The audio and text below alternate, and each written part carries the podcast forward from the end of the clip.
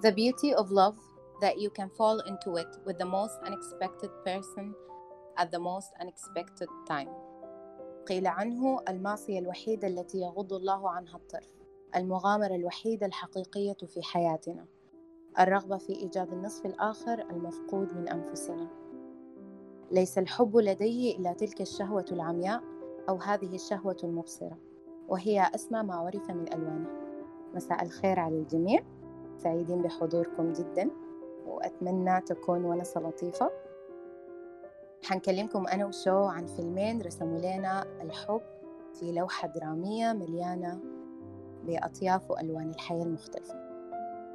بين الحب اللامشروط حنشوف فيلم Me Before You فيلم درامي رومانسي أنتج سنة 2016 حتكلمكم عنه شو؟ وبين هاشتاج حبيبك هيعرسك العكس فيلم Pride and Prejudice آه طيب الفيلم هو فيلم رومانسي درامي أنتج سنة 2005 من إخراج جو رايت. الفيلم مستوحى من رواية Pride and Prejudice للكاتبة جين أوستن. الرواية طبعا من من أعظم الروايات ومن أعظم الأعمال الأدبية الإنجليزية ولحد هسي بتدرس في المعاهد والجامعات.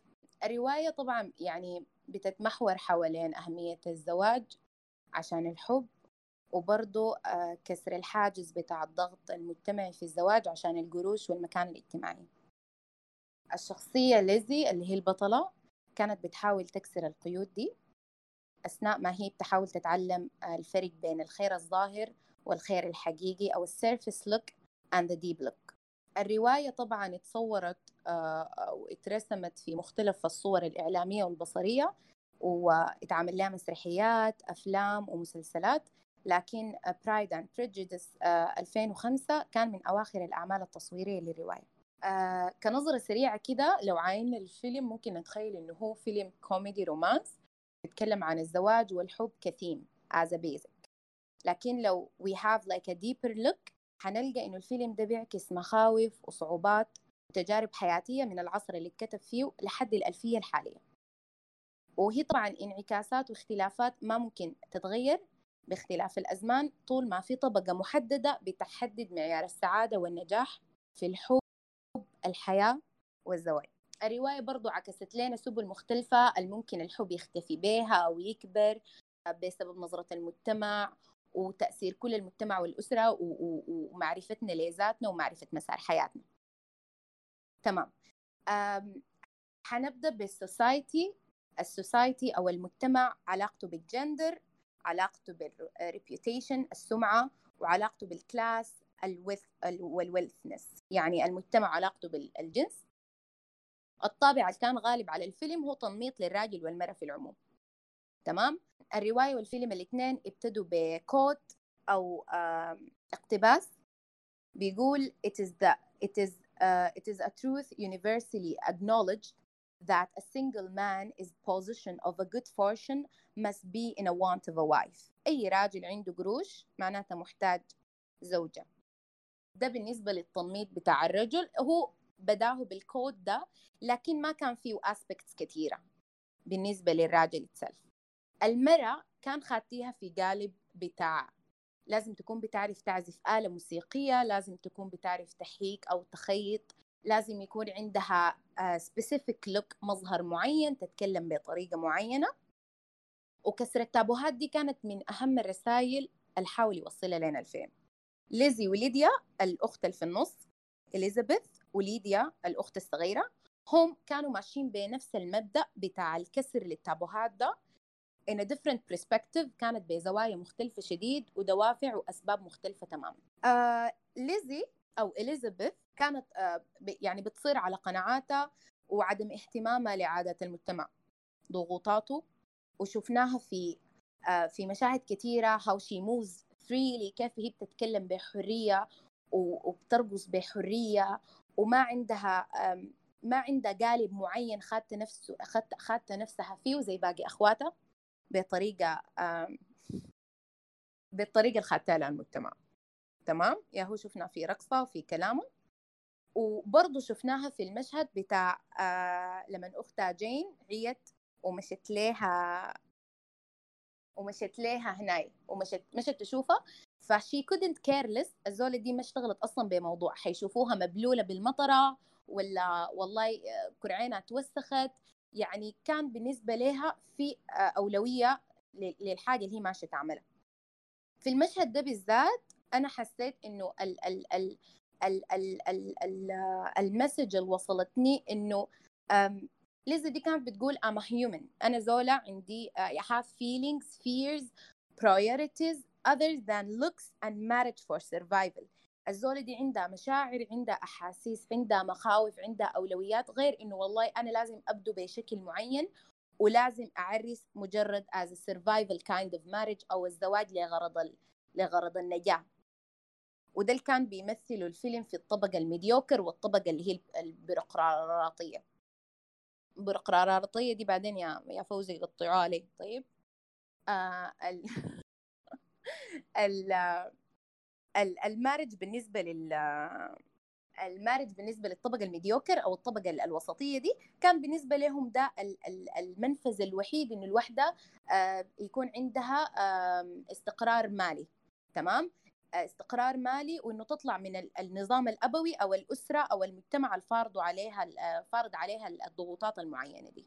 أما بالنسبة للطبقة العالية دي البيروقراطية بالنسبة لهم عادي الوحده متعرس ويكون عندها مصدر مصدر مصدر عمل معين تكون زولة منتجة يكون عندها business whatever لكن ده ما بي ما بي ما ما بي يعني ال ال ال الفيلم بيوريك صراع الطبقات عموما يعني صراع الطبقات واختلاف ال standards والمعايير لكل طبقة وثاني يلا كونها عايزة تتزوج زول بتحبه يعني بغض النظر عن كل المتعارف عليه ده كسر واحد من أهم التابوهات اللي بيوصلها الفيلم. لكن كان يلا ليديا ليديا وإليزابيث الاثنين دايرين يكسروا التابو بتاع العريس ده أو التابو بتاع القالب الخاتين فيه والمرة تمام؟ لكن الفرق إنه ليزي كان عندها زيادة في ال moral وال ethical values ده خلاها أصلا يعني تصر وتثبت على قناعاتها وتصير وتثبت على الفهم اللي في راسها بغض النظر عن كل الضغوطات. أما بالنسبة لست الرصة والمنصة ليديا كان عندها lack of ethical and moral values. كان يعني زولة أساسا بتفتقد للمنطق بتفتقد لل maturity بتفتقد لل parenting care ما ما كان عندها أي نوع من أنواع ال values أو ال moral أو الاخلاقيات طيب يلا عدم اكتراثها للتابو ده كان كان سببه إنه هي ما كان عندها قيمة أخلاق أخلاقية يعني. وبزواجها من ويكهام رجعت للتابو ده تاني. رجعت له بلفة يلا لكن رجعت له بلفة. وهنا طبعا ده الفرق اللي بيوريك بين إنه أنت تستند تصرفاتك دي على مبادئ a real a real value مبادئ حقيقية أو مشاعر عشوائية irrational irrational kind of feelings ده ده هنا اللي بيفرق إنه أنت حترجع للتابو تاني ولا أنت حتواصل فعلا بنفس المنطق اللي في راسك. تمام. حنجي لموضوع ال society and reputation الصورة الثانية أو الرسالة الثانية اللي عكسها لنا الفيلم اللي هو المجتمع والسمعة. أو المجتمع والسمعة. وقدر شنو يعني السمعة دي كانت رسالة أساسية شديد في الفيلم. وأهميتها يعني ال ال يعني المجتمع يعني يتقبلك أو ما يتقبلك سواء أنت فرد أو أسرة ده كله مبني على فكرة reputation شفناها في مشاهد و... و... وصور كثيرة. أو شفناها في في scenes كمية. شفناها في خوف خالد آه، مستر دارسي من علاقته بليزي شفناها في رعب ليزي لما آه، ليديا هربت لما قالت she's lost forever. شفناه في نصايح دارسي لبنجلي من خوف آه، يعني من خوفه عليه وإنه يرتبط بعائلة تصرفاتها كانت very unrespectful.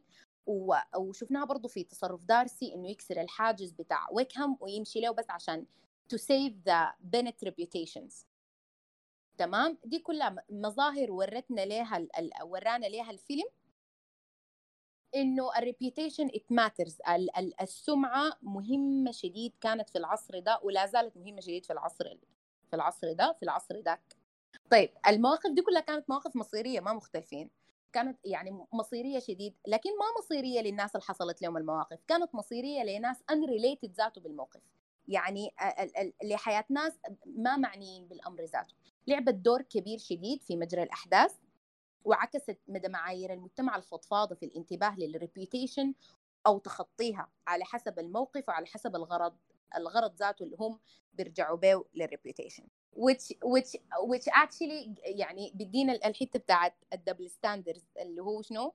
آه ال double standard في ال في ال في ال في ال reputation reputation in society طيب نهاية الفيلم ممكن تكون somehow satisfying مرضية لكن برضه في سؤال بتاع يعني لي ياتو حد مستر دارسي ده كان ممكن يتخطى المعايير المجتمعية دي؟ آه لو لو كان ويكهام ده he refuse to take the money يعني لو هو آه، دارسي ده مشى وقال له والله يا أخي هاك القروش وعريسه وكده لكن قال له لا. هل كان ممكن يتجاوز ال ال ال ال الخطأ ال ال أو ال الحاجة اللي عملتها ليديا اللي هي اتحسبت على باقي أخواتها عشان ليزي ولا دي كانت برضو حاجة من الحاجات اللي هو كان مستحيل يكسرها. تمام؟ دي حاجة برضو حننزل لها بعدين لما نتكلم عن ال family and reputation as well أو ال family influence. طيب عندنا برضو آه، آه، الفيلم يتكلم برضو عن ال class وال wealthness الطبقية الثروة المعايير. يلا برضو من الحاجات اللي حاولت تكسر المعيار ده الحاجة اللي حاولت الفيلم يقولها إنه قوة الحب والسعادة في تخطي العقبات الطبقية والمجتمع الأبوي وال class boundaries in general يعني. دي برضو حنجيها in details لكن as a theme دي من الحاجات إنه بيوريك قدر شنو هم قاعدين يحاولوا يتخطوا الحتة دي قاعدين يحاولوا يتخطوا القالب الخاتيهم فيه والمجتمع. آه الأسباب الممكن تخليك والله في قمة التهذيب والتفاهم والمراعاة هي نفس الأسباب الأسباب اللي ممكن تخليك آه very judgmental وزول عنصري جدا اللي هي التعليم والقروش. دي الحاجة شفناها في أخت بنجلي. التعليم والثروة كانوا سبب رئيسي شديد إنه هي زولة دي تكون عاملة كده. عاملة كده دي يعني هي زولة very very judgmental زولا شايفة إنه أخوها ومستر دارسي مفروض يعرسوا من نفس الطبقة وإنه ما مفروض يكون في أي تضحية في الموضوع ده. عشان كده قناعاتها أو أو أو أو الحاجات اللي هي راسخة فيها دي بدت تتزعزع. as soon as إنه هي شافت ال relationship بدت أو أو ال affection الحاجة اللي حستها من مستر دارسي لليزي بدت قناعاتها دي تتزعزع شديد. فعشان هي somehow to keep track أو إنه هي تحافظ على لسه المفهوم ده في راسها كانت بتحاول تتصرف تصرفات غير منطقية تماما بس عشان تدافع عن قناعاتها دي. كونها إنه أزاحت أخوها أو قاعدة تدي تدي hidden messages لمستر دارسي إنه والله ديل unrespectful family ويعني يعني حاجة لا تليق بالبتاع. تمام؟ يعني قلنا شنو؟ ال conclusion إنه الواحد بيتصرف تصرفات غير منطقية أحيانا دفاع عن قناعاته والمتمسك بها تجاه نفسه يعني. وفي quote بيقول لك there is uh, there is I believe in every disposition a tendency to some particular evil a natural defect which not even the best education can remove. يعني حتى موضوع التعليم والقروش ده زي عندنا مش في مثل سوداني بيقول لك القلم ما بزي القلم حبيت أضيف الإضافة دي يعني. Okay. family حنجي لل family ال family الأسرة دي كانت يعني مفهوم أو backbone theme يعني كان يعني فهم الأسرة أو الثيم بتاع الأسرة ده كان هو السبب اللي تكونت به شخصيات الأبطال ديل أو شخصيات آه شخصيات الرواية أو شخصيات الفيلم. الشخصيات الفيلم مقتبسة من الرواية شخصيات الرواية. و, و وعشان ال ال الأسرة دي برضو الأحداث دي كانت بتدور يعني هي كانت الحدث المحفز سجل بتسجل.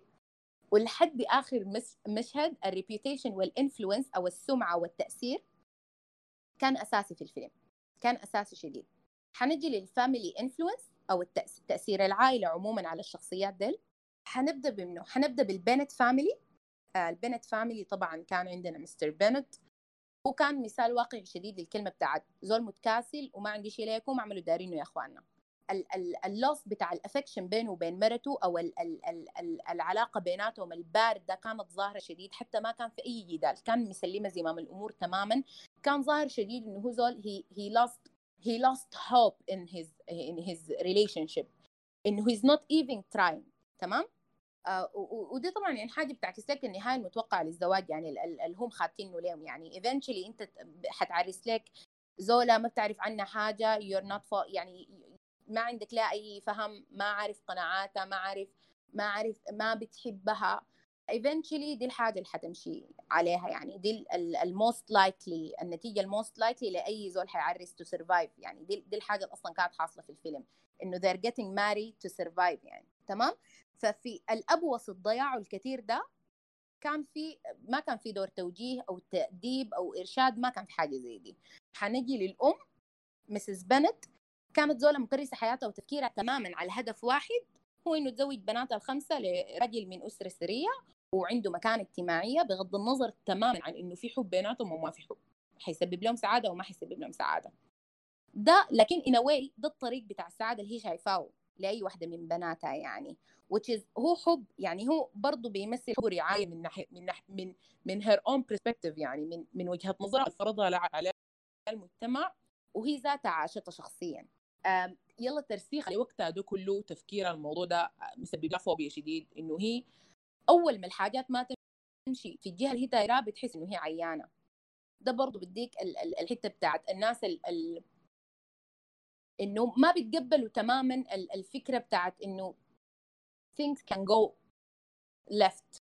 فأول ما تحس إنه والله في في خطر على الخطة اللي هي في راسها طوالي بيجيها emotional attack وبتحس إنه هي زول عيان. فما كان في مثل أو emotional parenting care ما في. يعني كان في lack بتاع parenting شديد. ما يعني أهلهم ديل ما ما أثروا عليهم بأي شكل من الأشكال. ما كان في أي نوع من أنواع الرعاية. تمام؟ الحاجة حصلت دي كلها اتعكست في في في البنات. اتعكست في شخصياتهم لكن بطرق مختلفة تمام. آه يلا لو عاينا برضو للخمسة بنات تاني حنقوم نلقى إنهم بيذكرونا ب بروحنا بأمزجتنا المختلفة إنه how we cope and deal with love and life.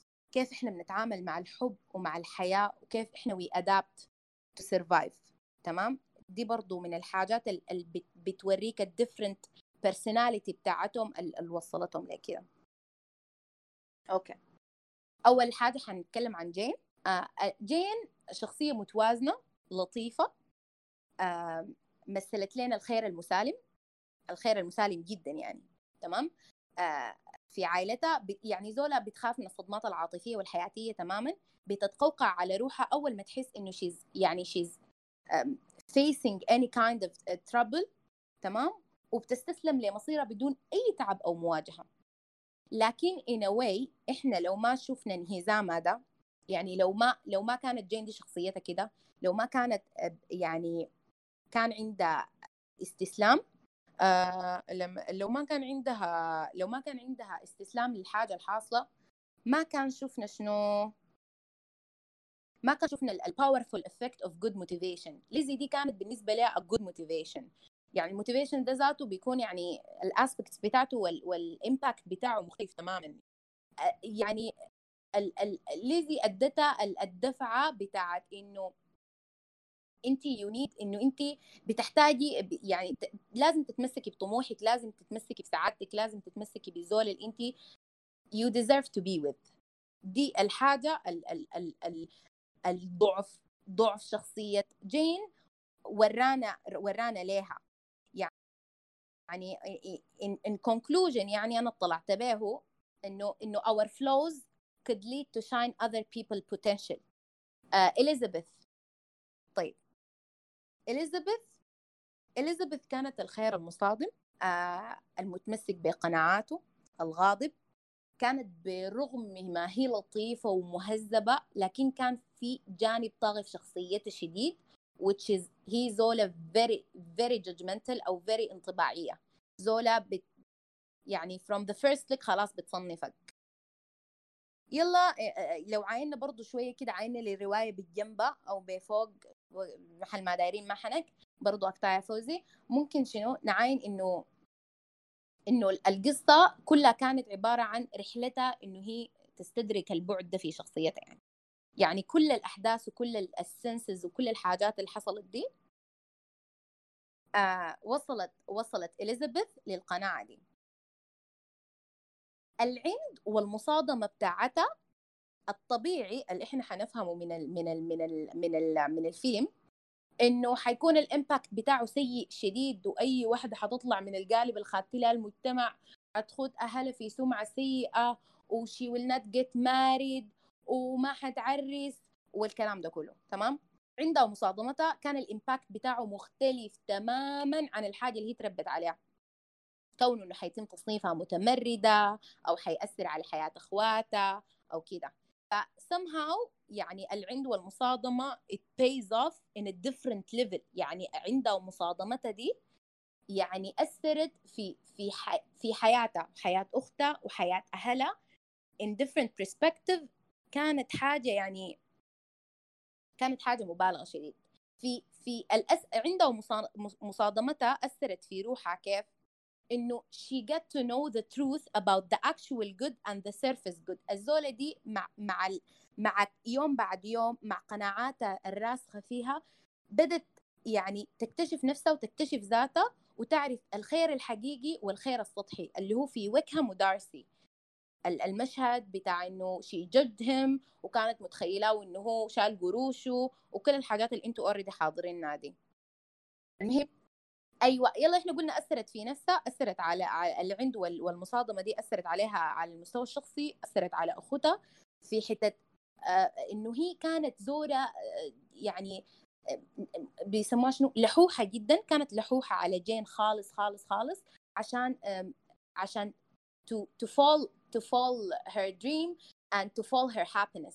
ودي الحاجة يعني جين إليزابيث كانت سبب رئيسي شديد إنه القصة بتاعت جين وبينجلي تتكلل بالزواج. حتى قالت لها جملة إنه the distant is nothing when one has a motive. الموتيف هنا كانت إليزابيث. تمام؟ كده هي ما بس عملت كده. الزولة دي برضو يعني أهلها يعني من ناحية عائلتها وتحقيق السعادة السطحية الأمة برضو حققتها. أمها كانت شايفة السعادة إنه أخواتها يعرسوا. الزولة دي بعندها وبقناعاتها وبتمسكها الشديد تمام؟ السعادة السطحية اللي هي كانت somehow she, she, she don't believe into برضو برضو حققتها لهم جين عرست ليدي عرست هي عرست فخلاص كده أمها المفروض تكون مبسوطة يعني. هي مبسوطة وأمها مبسوطة وخطأ كل العالم مبسوطين. ممتاز. عندنا منو يلا عندنا ليديا. ليديا دي كانت تجسيد رهيب. لل feels without reasoning. اندفاع تام بدون ادنى منطق يعني أو خوف من العواقب. كانت ماشية بمبدا شباب رح نعيش اللحظة ما حنك. فشنو هو؟ in, in a way هو صفعة في في في أو صف صفعة دي شنو؟ يعني هو يعني زي إنه شنو؟ أي صفعة. هو صفعة في وجه المجتمع لكن دافع rational جدا ما مبني على أي values يعني كانت ماشية ساي يعني.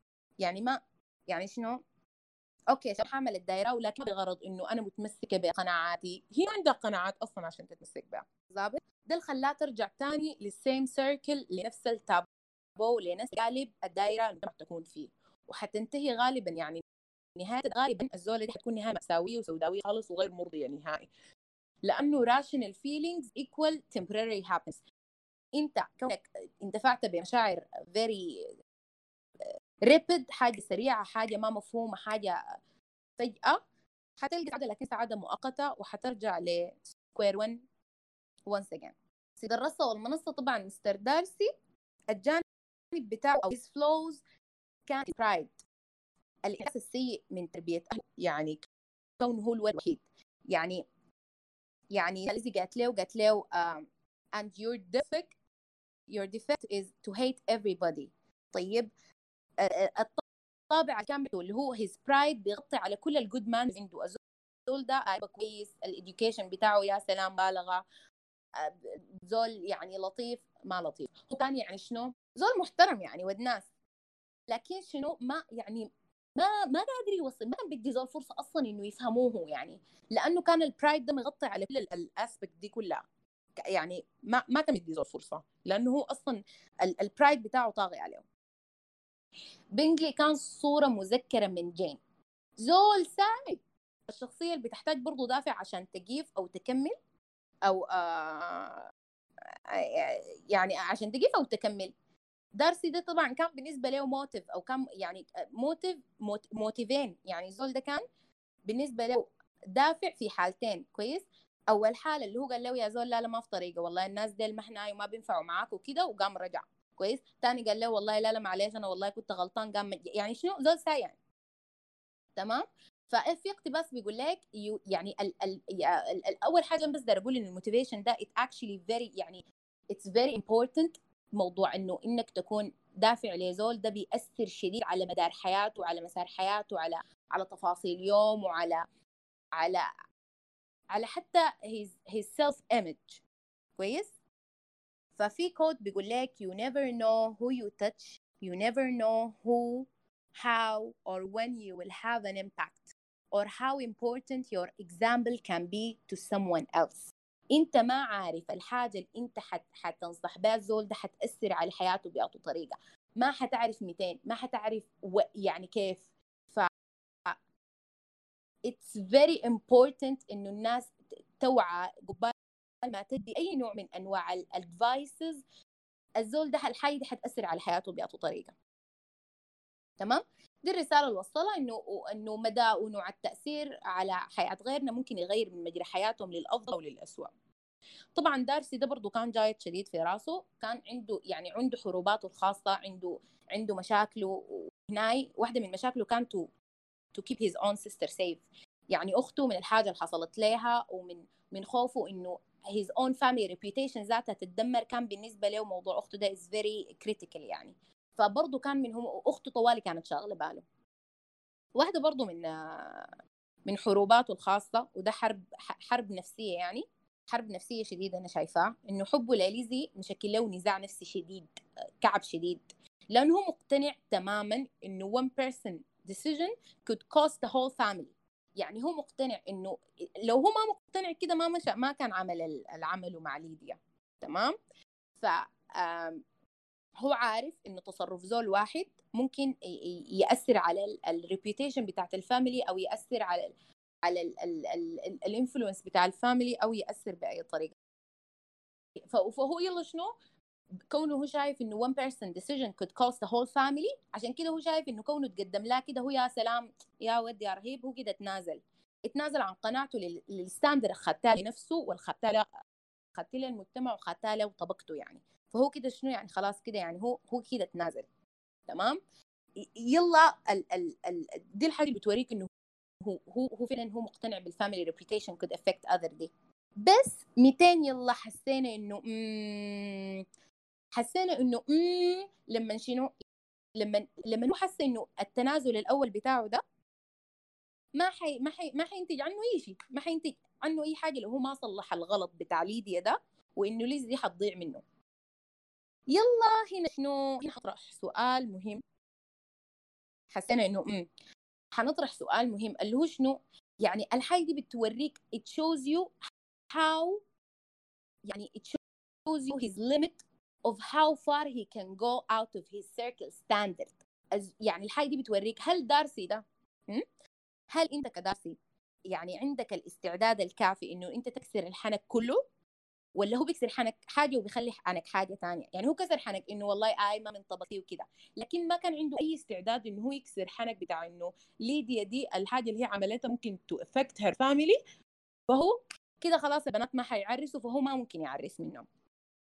فبرضه هنا بتدينا إحساس إنه طيب أها. ال ال ال ال ال النهاية بتاعت النهاية بتاعت الفيلم دي هل هي بتوريك إنه your reputation actually matters وهل بتوريك إنه ال true love ده كان ممكن to stand to stand through through برضه البتاعه دي الهناية ده العقبة دي بتاعت إنه ليديا وعملت وما عملت أخواتها وكده.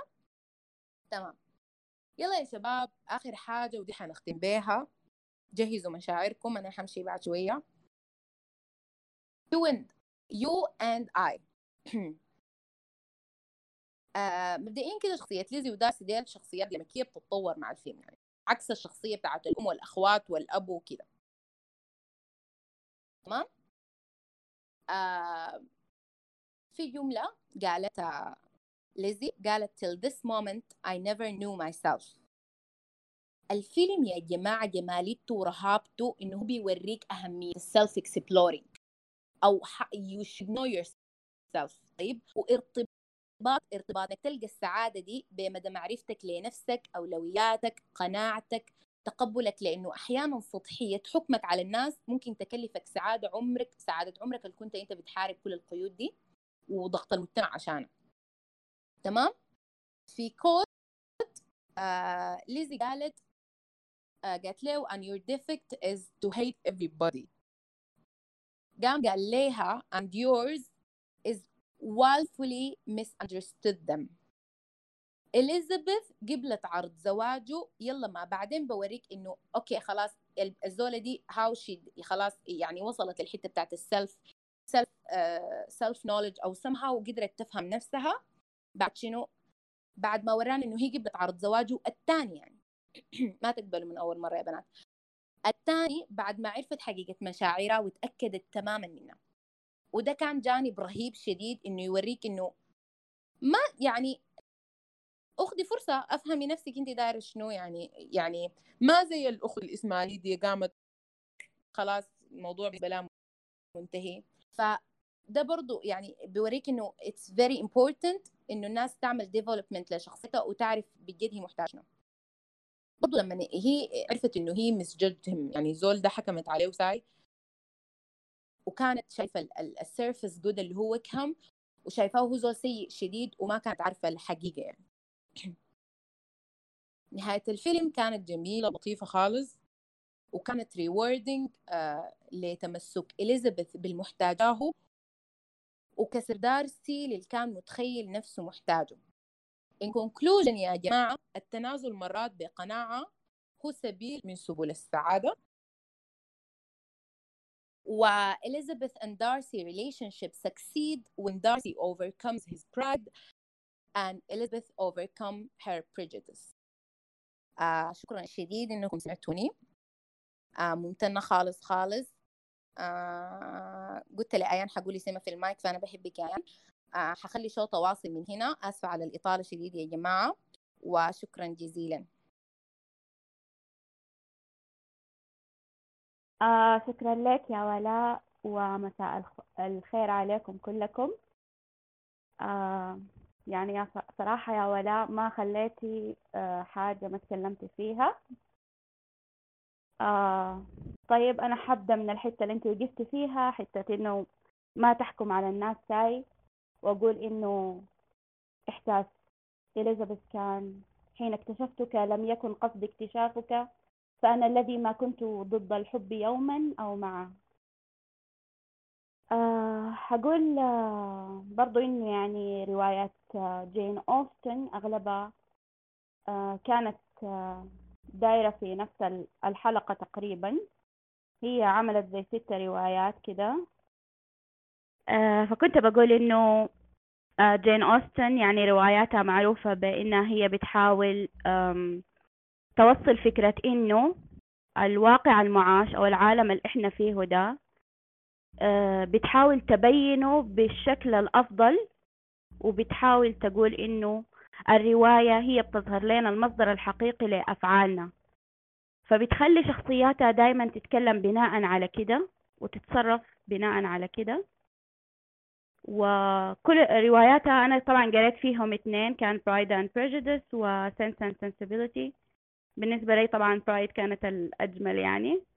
والفيلم طبعا فيه تفاصيل كثيرة يعني الواحد بيتعب بيقول يا تل أحلى لكن كان بالنسبة لي المشهد المفضل آه هي الحتة بتاعت لما أول ما يلتقوا أول مرة ويقوم يحصل بيناتهم حوار وتقوم هي تظهر بشخصيتها اللاذعة يعني وتخت له الكورة غاطة آه تاني بعد ذاك المشهد الثاني آه لما آه أيوه في نفس المشهد ده معلش آه كان بيقول لها إنه يعني كيف ممكن يحصل الانجذاب في نظرك أنت يعني.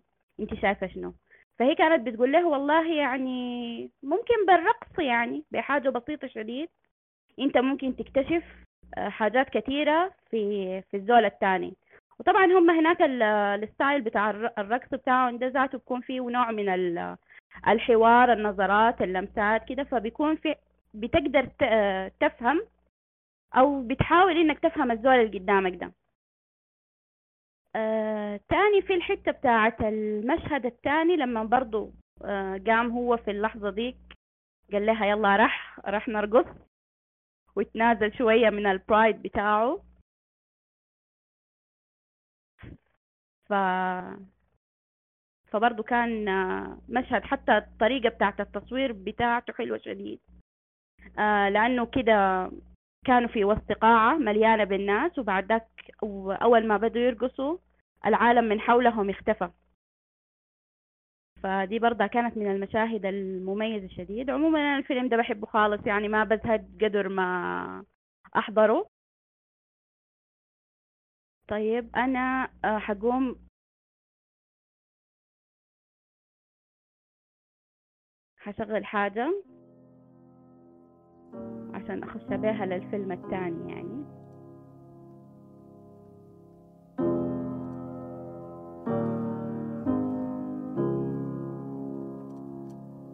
If I fall, can you pull me up? Is it true you watered out? And when I'm tired, lay down with me in my head so I can sleep without you? Hey, hey, without you, there's holes in my soul. And hey, hey, hey, let the water end.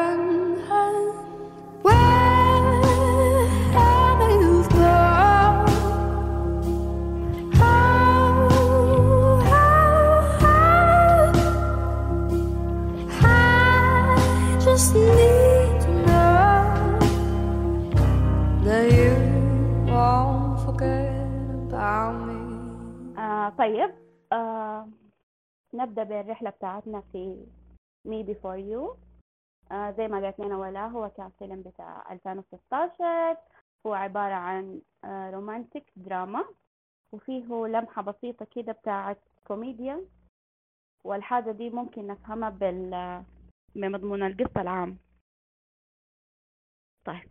آه تصوير الفيلم آه طبعا الفيلم كان شوية مكلف وتصور في أماكن آه تاريخية حلوة شديد وزي قلعة بيمبروك وطبعا أنا من ناحية التكاليف وكده ما بفهم شديد لكن يعني الفيلم ده كان من الأفلام اللي اكتسحت في ال box office وجابت أرباح أكثر من ما كانوا متوقعين برغم من كل ال- الانتقادات اللي كانت حاصلة له. اترشح كده لجائزتين Teen Awards و MTV Awards وفاز ب People Choice هو مبني على آه، رواية كتبتها جوجو مويس هي كاتبة إنجليزية. وهي نفس الكاتبة دي قامت عملت آه، ثلاثية trilogy لكن على حسب آراء القر- القراء كانت Me Before You هي أفضل واحدة فيهم اللي هي الفيلم بتاعنا بتاع الليلة. لو جينا نتكلم على آه، الفيلم ذاته نبدأ بالمشهد الأول. لما ظهر لنا شخصية البطل آه، اللي هو ويل أو الممثل آه، سام كليفلين. آه، طبعا ده ما كان أول دور له لكن آه، ده كان أول دور بطولة بالنسبة له. آه، من الحاجات المميزة فيه طبعا إنه طبعا آه، إنه تفاصيل وتعبيرات. وجهه كانت حاجة مميزة شديد بالنسبة له خصوصا آه، بناء على القصة إنه هو في البداية ظهر لنا إنه هو زول غني وشاب مدبر لأموره ومن عيلة ثرية ووجيه للغاية زي ما قلتوا لكن بعد ذاك قام حدث ما حدث وحصل له حادث وبقى آه، مشلول. ومن هنا بدأت تتغير حياته ويبدأ يشعر بالمعاناة. أيوة. آه، نجي بعد ذاك لإيميليا. إيميليا كلارك أو زي ما بحبوا الناس ينادوها أم التنانين Mother of Dragons. آه، طبعا هي كان بدت ب Game of Thrones وبعد ذاك في 2016 آه، ظهرت في Me Before You و2019 برضو ظهرت في فيلم تاني ظريف اسمه The Last Christmas. من الحاجات اللي بحبها شديد في إيميليا وكانت مناسبة تماما للدور بتاعها إنها هي زولة مرحة شديد وتعابير وشها عبارة عن مراية بتعكس شعورها. والحاجة دي تناسبت مع شخصيتها في الفيلم اللي هي لويزا كلارك إنها هي بنت مرحة وبتحاول تنشر السعادة ليها وللناس اللي حوالينا. حتى لو كان على حساب آه سعادتها الشخصية. الفيلم بيعتبر يعني آه بسيط شديد فيه كده طبعة بتاعت حزن. آه لكن برضو بنشوف فيه جوانب السعادة اللي بتحاول تبعثها لويزا. آه فيه شوية حوارات كده ورسائل صغيرة لكن بتحمل لنا مشاعر عميقة ومعاني كثيرة ممكن الواحد يتفكر فيها لقدام. آه بالنسبة لي ممكن أقسم الفيلم لثلاثة مراحل. المرحلة الأولى طبعا زي ما قلنا إنه آه بدت بلمحة لحياة كل واحد فيهم.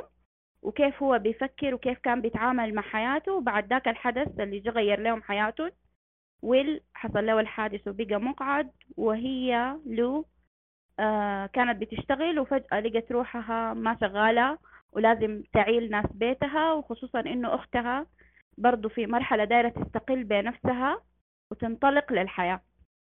آه بعد ذاك بنجي للمرحلة الثانية إنهم آه بتجي نقطة الالتقاء بيناتهم.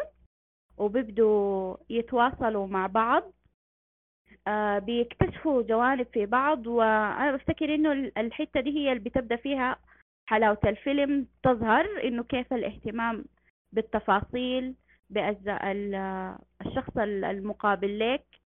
طبعا هو في البداية آه كان شوية لاذع وساخر.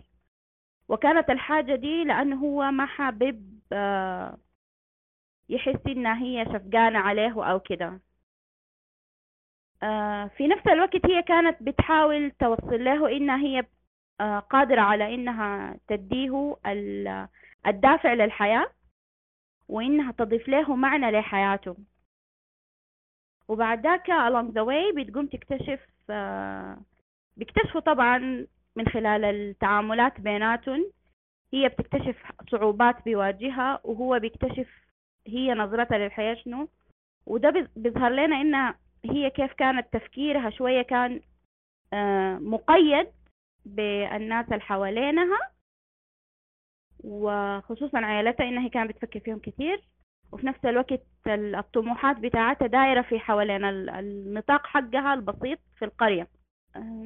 والحاجة دي كانت مديها لمحة براءة حلوة شديد. آه بتقوم تكتشف إنه هو ما عايز يعيش وبيمشي بيتواصل مع شركة. الشركة دي أنا اكتشفت إنه آه حقيقية. وهم بيعملوا حاجة اسمها الموت الرحيم أو الايثونيزيا المصطلح العلمي يعني كده شوية نكشر لكم بمصطلحات. آه بعد ذاك هي طبعا بتحاول تغير تغير تغير لكن بنصل بعد ذاك للمرحلة الثالثة اللي هي بعد ما تبدأ نبقى في مرحلة إنه هل هي حتقدر تتقبل هل هو حيتغير أو ما حيتغير أو لا. وبيحصل واحد من أجمل أو مش أجمل يعني ممكن نقول حوار كده فيه مشاعر emotions. بتقول له I know we can do this.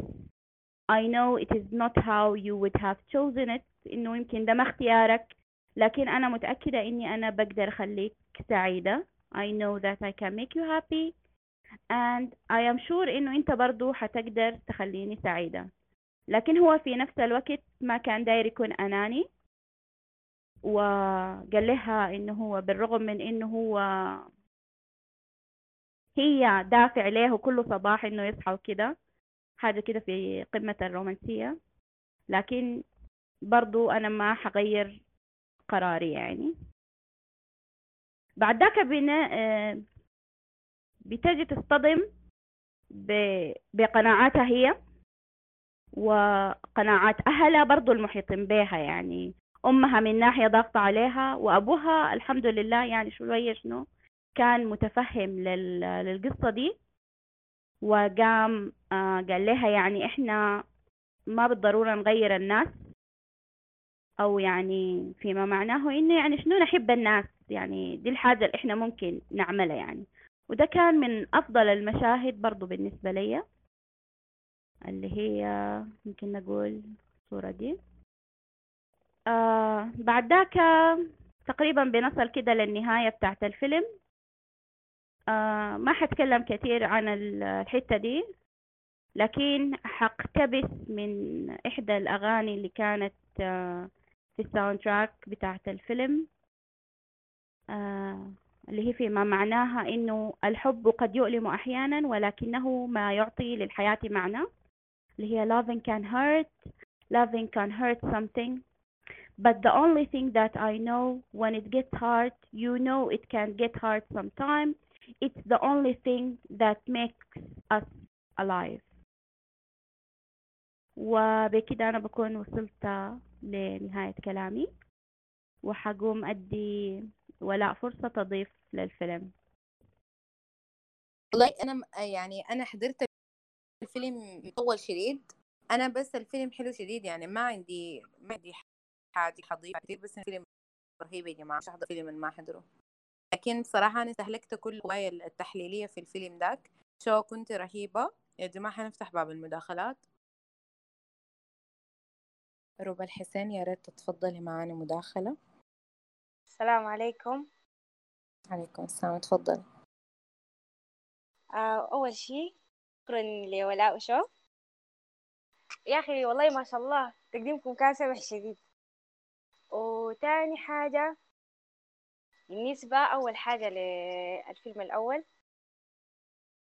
أنا والله الفيلم ده أنا زولة يعني آه أيوة أنا عندي مايك. المهم أنا يعني شوية القصة بتاعته لأنه هي طبعا أنا المفروض أكون متعايشة مع العصور ديك عشان أنا أتماشى مع القصة يعني لأنه البنات بس دايرين يعرسوا وخلاص هو علينا كم ما عرسنا بنموت. خاصة صاحبتها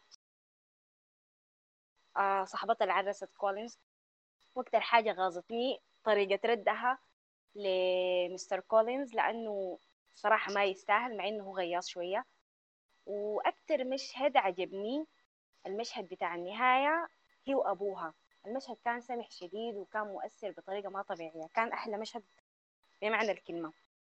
أما بالنسبة لمي بفور يو ف أنا حسيت إنه أم ويليام كانت في البداية بتستغل آه أم ويليام كانت بتستغل آه هنا لويزا. لكن بعدين لويزا كانت طيبة شديد وعملت رايحة و يعني تماشت مع الوضع وأصلا هي أصلا حبت ويل في النهاية عشان دي حاجة برضو ما بغض النظر عن فكرة إنه أنا ضغطت لما هي خلت أصلا ال boyfriend حقها مع إنه هو برضو كان غياب. فدي كل المداخلة اللي عندي. شكرا يا ربا. شكرا كلام جميل شكلك مذاكرة. برافو ممتازة جدا. المداخلة اللي بعدها زندبيل. إزيكم يا شباب؟ أم طبعا أنا في اللحظة دي حاسة إنه الدنيا لونها وردي شديد لأنه أنا بحب الفيلم بتاع Me Before You. آه تقريبا أنا حابدأ بالفيلم الأول. أم أول حاجة آه اللقطة بتاعت لما دارسي كان عاين لليزي. في اللقطة تحت المدخل أول ما جو داخلين القاعة كده والناس كلها كانت ساكتة. هو ذاته عاين لا واتخلع وأنا اتخلعت وهي اتخلعت. وأجمل حاجة لما كده قامت أخذت الضحكة بتاعتها ديك هي حست إنه في حاجة. كان في حاجة يا شباب. أم تاني برضو من الحاجات أم لما أنا متذكرة هي اسمها من الشخصية دي؟ لكن لما القسيس كان يتقدم لليزي بعدين ليزي رفضته. في واحدة قامت طوالي وافقت بالخطوبة بتاعته إنه تتخطب له أب أب أنا ما متذكرة هو يعني قدم لها 200 لكن هي قبلتها. فهنا أنتوا بتشوفوا الصراع بين الناس اللي بتتزوج لأنها محتاجة تتزوج. يعني طبعا ما حنقول البورة. هي ما كانت خايفة بين قوسين من البورة لكن كانت خايفة من حاجات تانية إنه أنا عمري بقى سبعة وعشرين الزمن داك دي يعني كانت حاجة فظيعة شديد وما عندي قروش وما حيكون عندي حماية. فدي برضو كانت من الأسباب اللي بتخلي أمهم إنها تكون يعني مستعجلة شديد إنه بناتها يعرسوا كذا وزيجاتهم تكون ناجحة. أم بجانب إنه هي بتاعت بو بس ما ما شديد يعني آه، أنا متفهمة. أم نرجع للفيلم بتاع Me Before You أم أنا ما حضرته قريب لكن متذكرة منه حاجات كثيرة. أول حاجة إنه يا شباب الحب الحقيقي ده ممكن ما يكون مع الإنسان اللي أنتم معاه حاليا. الحاجة دي برضو ممكن نلاحظها للحب الحقيقي. آه، في فيلم تاني بعيد شديد اللي هو بتاع أم نسيته. بتاع الجميلة النائمة لكن كانت مثلت فيه جوليا. آه في زول متذكر اكتب لي تحت. آه المهم في الفيلم ده لما قالوا للجميلة النائمة إنه أنتي ما حتصحي من النوم إلا بقبلة من الحب الحقيقي في النهاية اكتشفنا إنه طلعت من ال godmother حقتها. فالفيلم بتاع Me Before You ده نوعا ما برضو جاي في الحتة دي إنه ممكن الحب الحقيقي بتاعك ما يكون for your lover أنت قاعد معه حاليا. هي كانت بتحب حبيبة. أو فاكرة إنه بتحب حبيبة لحد ما اتعرفت على المستر اللي هي شغالة عنده جديد بعدين يا شباب في التفاصيل. فأنا بس عايزة أقول لكم قبل ما تحبوا يا شباب اتأكدوا إنه أنتوا قاعدين تحبوا هل أنتوا بتحبوا الزول ده عشان هو قاعد يعمل حاجات؟ مفروض إنه هي قاعدة تتعامل في relationships الطبيعية ولا لأنه الزول ده قاعد يهتم بالتفاصيل بتاعكم حاجات زي دي. آه وبس يعني وأتمنى لكم أمسية رائعة شكرا يا زندبيل مداخلة رائعة. آه سهى. شباب مساء الخير عليكم. أول حاجة ولا مستوى يعني ما شاء الله ابدعتوا بصراحة. آه يعني تقديمكم كان رهيب شديد وعكسوا النقاط المهمة كلها في الأفلام. يعني شكرا شكرا شديد. أول حاجة بالنسبة لفيلم بتاع مي بيفور يو تمام؟ آه ال message أنا طبعا حضرته برضه زمان يعني لما نزل وطلع. بس ال message اللي كان جاتني منه إنه أنت you should not settle down. فهو كان بقدر الإمكان قاعد يحاول إنه يخليها تكون واثقة من نفسها يخليها تعرف إنه ال potential بتاعتها ما لحد هنا. يعني إنه you can do anything. يعني بقدر الإمكان كان بيحمس فيها. فدي دي حاجة رهيبة. وبعدين إنه هي كانت مرتبطة بشخص خاطئ تماما لا بدعمها. آه لا عايز لها الخير لا عايز تتقدم لقدام وهي she still thinks she loves him. فبرضه هنا. فطوالي بتذكر الكواد بتاع بتاع إنه بقول لها live boldly push yourself. Do not settle. فدي دي دي حاجة هيوج وأحسن كوت بتاعت ما ما بقدر استحضرها كويس. آه إنه إنه أنت you, have only one life and it's actually your duty to live it as full as possible ولا حاجة بالشكل ده.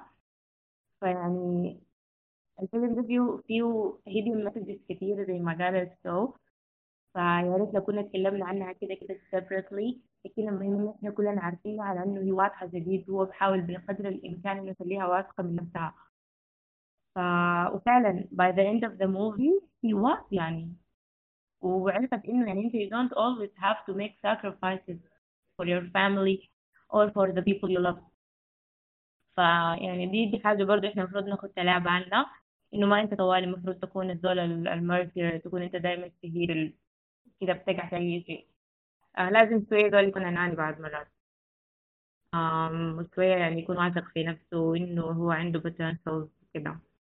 بالنسبة لبرايد اند بريجيدس يعني ولا كيف توفت والبنات كيف وفوا لكن آه أنا عندي عندي إضافة في في نقطة بتاعت لما هو قام قال لها إنه أنا I find it hard to talk with people I don't know. يعني هو غير إنه هو من طبقة أرستقراطية غير إنه هو متربي كده كمان هو عنده شكل social anxiety. أو ممكن يكون ربوه على إنه مثلا أنت ما تتكلم مع أي فدي برضو حاجة بتفرق maybe في في في um, تاني حاجة ال ال ال ال الرواية دي في aspects كثيرة فيها لسه حاليا إحنا بنعيش فيها. يعني الرواية دي في في واحدة من ترجمات من نسخها اسمها الكبرياء والحكم المسبق. فحكم مسبق ده يمكن إحنا يعني يمكن ثلاثة أرباعنا هنا بكون عندنا. تمام؟ بنكون ناس impersonalist فدي حاجة حاصلة ومفروض يعني الناس تحاول إنها تطلع من الجانب ده. آه وتاني حاجة الحنك بتاع إنه البنت صاحبتها نسيت اسمها منو قالت لها أنا بقى عمري سبعة وعشرين سنة. قلت لها طيب آه إنه الزول ده كده يعني he's dull ولا حاجة كده. قلت لها I don't care. أنا هعيش في بيت كويس وكده. ففي المنتاليتي دي يعني هتكون لاقتنا كتير وإحنا كلنا عارفينها وشايفينها بس أنتوا شايفين انه ما في compatibility بيناتهم حتى لما مثلت لها زيارة في بيتها هي خلاه في الحديقة like dog يعني يمشي يمشي برا. هي طلصته إنه تعمل الزهور لكن هي بتريح راسها منه. آه بعد ذاك لما هم يكبروا حيبقوا بالضبط كده زي أبو أبو ليدي وأمها. آه إنه ما في ما في ما في بيناتهم أي connection ما في أي حاجة يعني كده deep بيناتهم. okay المداخلة اللي بعدها ربا مساء الخير. طيب آه شكرا يا شو ولاء على التقديم الرائع بتاع الليلة. يعني صراحة شكرا لكم كثير على تحضيركم على تعبكم. أنا بس مشكلتي إن الأفلام دي حضرتها يعني زمان ما متذكرة شديد يعني. لكن يعني على قدر ما أنا متذكرة هحاول يعني أقول مداخلتي هبدأ بفيلم مي Before You. فيلم مي Before You بدايته وطريقة دخل بيها والصورة اللي, خط... كانت مخطوطة فيها إيميليا. كانت يعني حاجة حاجة نوعا ما يعني غريبة. وهو زال يتوقع إنه خلاص يعني الفيلم هيمشي في الناحية الكلاسيك بتاعت إنه أوكي واحدة غبية أو هتحب عليها يعني إنه يكون في الطرفين بيناتهم فروقات عموما يعني. فروقات كبيرة شديدة إنها غبية هتحب على واحد ذكي وما بعرف شنو هنا لكن هو في النهاية بنكتشف إنه هو مقعد وإنه الحاجات دي كلها كانت يعني قصة حبهم أصلا إذا ما حصلت الحاجة للطرف التاني إنه هو أصلا ما كان هيعاين لإيميليا دي لكن في النهاية هو اكتشف إنه الحاجة دي ما زي ما كان متوقعة وإنه أنت إنه الناس أنت بتحكم بتحكم عليهم. بتحكم عليهم من الحتة اللي أنت واقف فيها حكمك عليهم من الحتة اللي أنت واقف فيها ده هو اللي بيخليك إنك يكون عندك ليهم expectations غلط مرات. آه والحاجة دي شفناها برضو في إنه ال boyfriend بتاع إيميليا الأول. أنا طبعا بقول إيميليا كلارك لأنه ما متذكرة اسم الممثلة كان شنو في الفيلم. آه ال boyfriend بتاع إيميليا هو بيحبها يعني هو ما إنه ما بيحبها هو بيحبها. لكن هم ما بيناتهم ال communication أو ال بيناتهم التفاهم بتاع ال expectations ال ال الحاجات اللي ممكن تفرحها أو يمكن نقول إنه ما في مجهود أو ممكن نقول الحياة دي كلها. في نفس الوقت آه الإنسان تعرفت عليه واللي هي مفروض إنها بتخدم يعني. قدر يفهمها طوالي وقدر إنه يعرف هي محتاجة شنو هي بتحب شنو هي عايزة شنو. الحاجة دي كانت لطيفة جدا ويعني بتدفي القلب زي ما بيقولوا. وبرضه المعضلة بتاعت إنه الكلام اللي قالته منها في النصية إنه إنه المعضلة بتاعت الموت الرحيم وإنه أصلا يعني الأهل كانوا متأملين جدا إنه هي تحاول تثنيه عن قراره. وإنه يتنازل عن ال- القرار بتاعه ودي كانت حاجة مؤثرة جدا يعني وبالذات في نهاية الفيلم. آه إنه هو في النهاية قدر يقرر قراره اللي يعني اتخذ قراره هو لكن في نفس الوقت خط بصمة في إيميليا آه كبيرة يعني بقت واثقة في نفسها و embracing الحاجة يعني الحاجة اللي هي عليها. ده بالنسبة لفيلم Me Before بالنسبة ل Pride and Prejudice أنا صراحة يعني الفيلم ده متحيزة له شديد. بحبه جدا جدا جدا. مع إنه هو يعني فيلم مفروض يعني بيتكلم عن حقبة قديمة في لندن لكن هو ممكن يكون نوعا ما بطريقة ما relatable شديد بالنسبة لمجتمعنا السوداني. فال يعني التصوير بتاع كل شخصية التصوير بتاع كل آه التصوير بتاع كل شخصية آه الأحداث الطريقة بتاعة التمثيل ذات الممثلين كانوا يعني رهيبين شديد الممثلين كانوا رهيبين شديد. بالنسبة ل أم، الحاجة المترقب منها الناس يعني آه إنسان ممكن نقول إنها يعني أو نظامه خفيفة. اللي بيتقال اللي بيتقال له بيسمعه. ما قادرة أضحك. المهم إنه بنجلي ال ال اللي بيتقال له بيسمعه. يعني دارسي ده مشى قال له البنت دي ما نافعة أخليك منها خلاص خلاها. جاء رجعه قال له والله البنت دي نافعة مش هرجع عليها. يعني زي ودمه زي ما قالت سهى في النص هي زي ودمه ال- عندنا في المجتمع السوداني. بالنسبة ل ويكم هو دي حاجة ممكن إحنا نقول إنها تبع المجتمع عموما أو تنميط المجتمع ككل.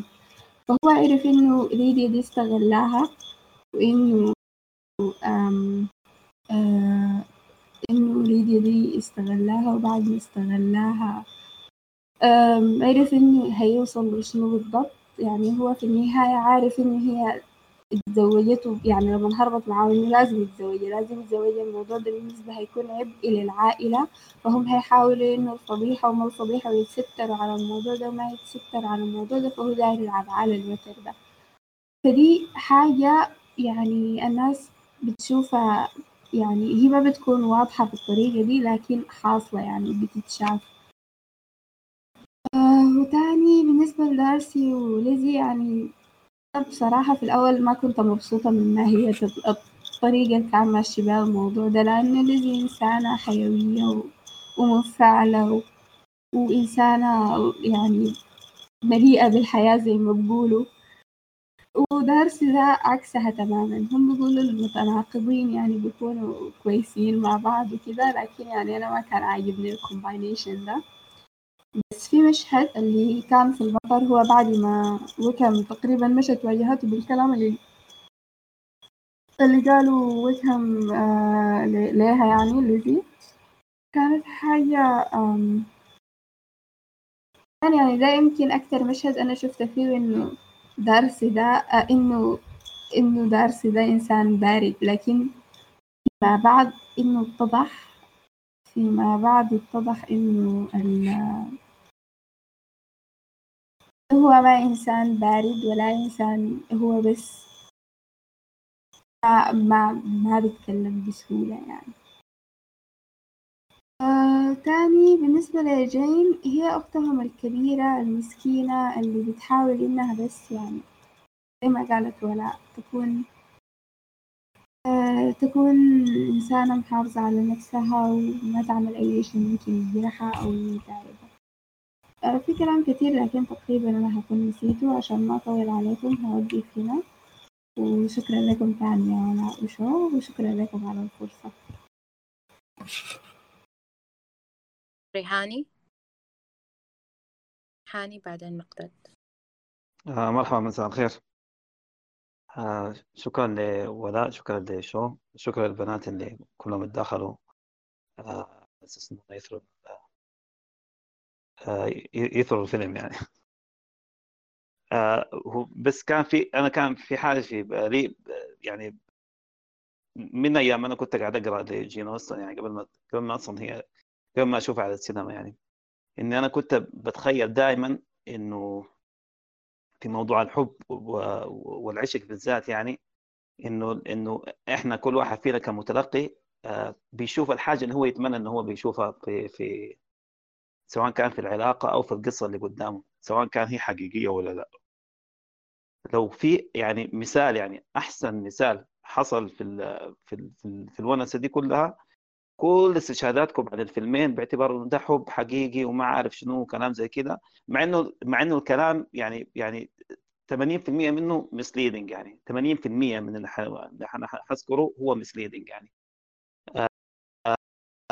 بداية انا خلينا آه، زندبيل قالت كلام حلو خالص يعني. آه، آه، معلش أنا إن شاء الله أكون متذكر يا زندبيل إنك كنت كنت بتقولي إنه آه، إنه الواحد آه، لما يحب آه، إنه ما ما ما يتسرع وإنه هو يحب الإنسان آه، الصح على أساس آه، على أساس إنه إنه ما ما ياخذ أقل من كده يعني. معلش لو كان الكلام ما ما دقيق يعني في النقل. آه كلام الكلام ده كمبدأ يا جماعة ده المفروض يحصل. لكن كشاهد إنه إنه زندبيل استشهدت من من فيلم Me Before You على الكلام ده دي السطله ذاتها. لأنه Me Before You عبارة عن عن عن عن فيلم toxic okay؟ ما في أي بالمناسبة موضوع الحب ده كان موضوع fiction خالص يعني. آه وأنا حاجة لل- للحتة دي. عموما يعني آه يعني أنا ما كان عندي حاجة مرتبة والله بس أنا عشان سمعت المداخلات و- وقلت بس يعني خلينا نعمل tuning in في الموضوع ده. بداية يعني عشنا وشفنا الحمد لله إنه رجعنا لونسة السينما وبرضه عشنا وشفنا إن إحنا بقينا نعرف بأفلام بإنه بإنه فاز ب Teen Award و MTV Award بداية خلينا ناخذها من من من من جين أوستن. آه ما في شك يعني إحنا بنتكلم عن عن عن عن سينما بريطانية بالذات يعني. السينما البريطانية كان عندها ثلاثة franchise طو يعني لحد ما جاء هاري بوتر. كان هو ده اللي يعني شغلها الشاغل إن هي دائما تعمل له آه، إعادة إنتاج آه، روايات آه، جين أوستن آه، جيمس بوند كان في أعتقد والله راح اللي في بالي. عموما يعني أنا قصدي إنه كان ده, كان دي كانت السينما البريطانية أصلا. ده, كان شغلها الشاغل في الفترة بتاعت من من الستينات لحد التسعينات. اللي حصل في التسعينات إنه إنه جت اللي إحنا بيسموها كان في المسرح وفي وفي السينما بيسموها الموجة الغاضبة.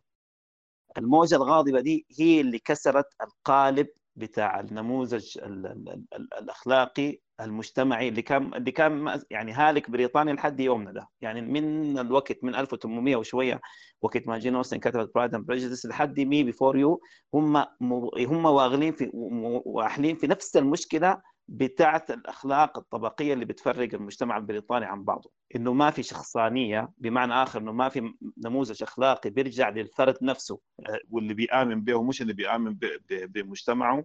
وأنا حفصل الحاجة بعد شوية. لكن الفكرة الفكرة اللي أنا داير أقولها إنه إنه إنه ما حصل آه، إنه صار حصل فيه بريك ثرو للسينما والأدب البريطاني عموما إلا في الستينات لما جت الموجة الغاضبة دي. كان هي موجة بدأت في المسرح اللي هم جو الناس زعلانين عشان يكسروا كل الكلام الفاضي يكسروا موضوع الطبقات يكسروا موضوع ال- ال- ال- النمطية وال stereotyping وال- وال- والحمل المثقل اللي هو جاي من أيام الملكيه والاقطاعية القديمة اللي لحد هسه هم آه، موجودين فيها. بعد ده لما جينا وصلنا لحد نهاية الثمانينات بداية التسعينات الموجة الغاضبه دي كان وسط السينما. فبقينا نشوف الدراما البريطانية اللي وصلت أوسكارات حاليا يا جماعة معتمدة بالأس الأول على الحاجة دي إن بقت تبحث في فردية ال- ال- ال- الشخص قبل ما إنه هو يكون مطبع أو متخلق بأخلاق طبقته أو مجتمعه. عشان كده بقى ال- ال- ال- الأفلام بعد ذاك إحنا بقينا نتكلم عن الأفلام اللي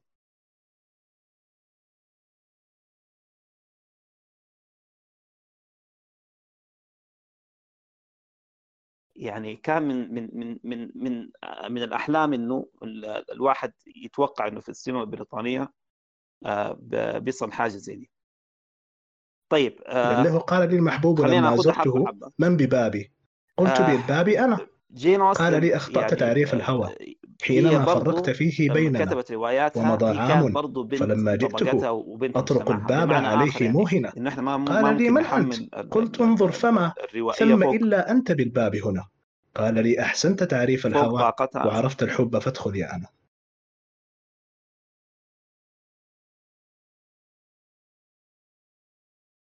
ال- ال- الفكرة إنه هي مش بتعبر عن الحاصل في مجتمعها يا يا ولا. ال- الفكرة إن هي بتتمثل اللي قاعد تشوفه قدامه بإنه ده الصح ده الطبيعي. عشان كده أنا أنا بحكي. وهي ما كان هي لما كتبت تقريبا كل رواياتها على فكرة أنا بس الرواية الوحيدة اللي أنا حسيت إنه فرقت فيها وحسيت إن هي ناضجة يعني بحكم إن هي روائية فنانة ناخذه كسرت القوالب اللي هي كانت عاملاها كان في Mansfield Park وأظن إنه اتعمل كان اتعمل كان فيلم في في في بداية نهاية التسعينات اظنه أنا بالنسبة لي شخصيا يعني لو أنا أتكلم عن أدب بريطاني في الفترة دي اللي إحنا بنسميه الفترة يا إما الإدواردية أو العصر الفيكتوري أنا أتوقع إنه ال- ال- الأخوات برونتي هم هم أبدع من كتبوا من روائيات يعني في بمفهوم الرواية البريطانية اللي اللي كسرت القالب اللي هو انه هم ما يكونوا بنات عصرهم أو مجتمعهم. آه، نتكلم عن إيميلي برونتي لما لما عملت آه، لما كتبت Wuthering Heights ولما نتكلم عن Jane Eyre لما كتبت اختها أختها تشارلي.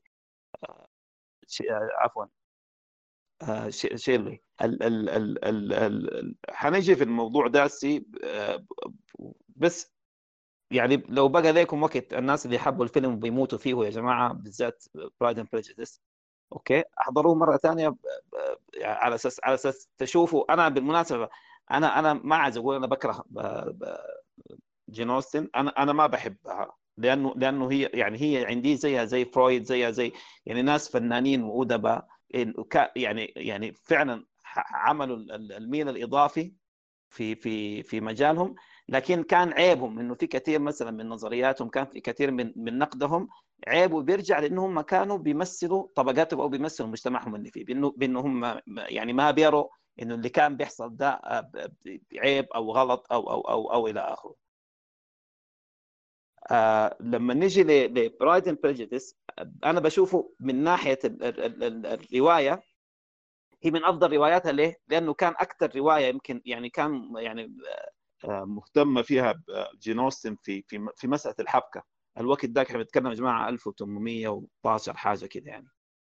آه، إن هي كانت تصنع رواية متعقدة ومتكاثفه م- موجودة على شخصيات. لكن في النهاية إن هي محبوكة بخط بتاع حبكه زي ما أنتم شايفينه انه كل الشخصيات سمهاو يعني بيتقاطعوا مع بعضهم لحد ما يتلاقوا في النهاية ووصل نهاية القصة. دي كانت واحدة من الحاجات اللي كانت مميزة. مميزة جين أوستن. وجين أوستن بالمناسبة لحد الآن يعني من أخذها من قرنين عدينا فيه في القرنين ديل كان في ناس بيطلعوا بها بيجي جيل بيطلع بها سابع سنه بيجي يجي بي- بينزلها آه، سابع عرض. آه، ال- الرواية طبعا الناس اللي قروا الرواية بيشوفوا الوصف اللي بنسميه بلزاكي يعني هي كانت بتوصف باستفاضة.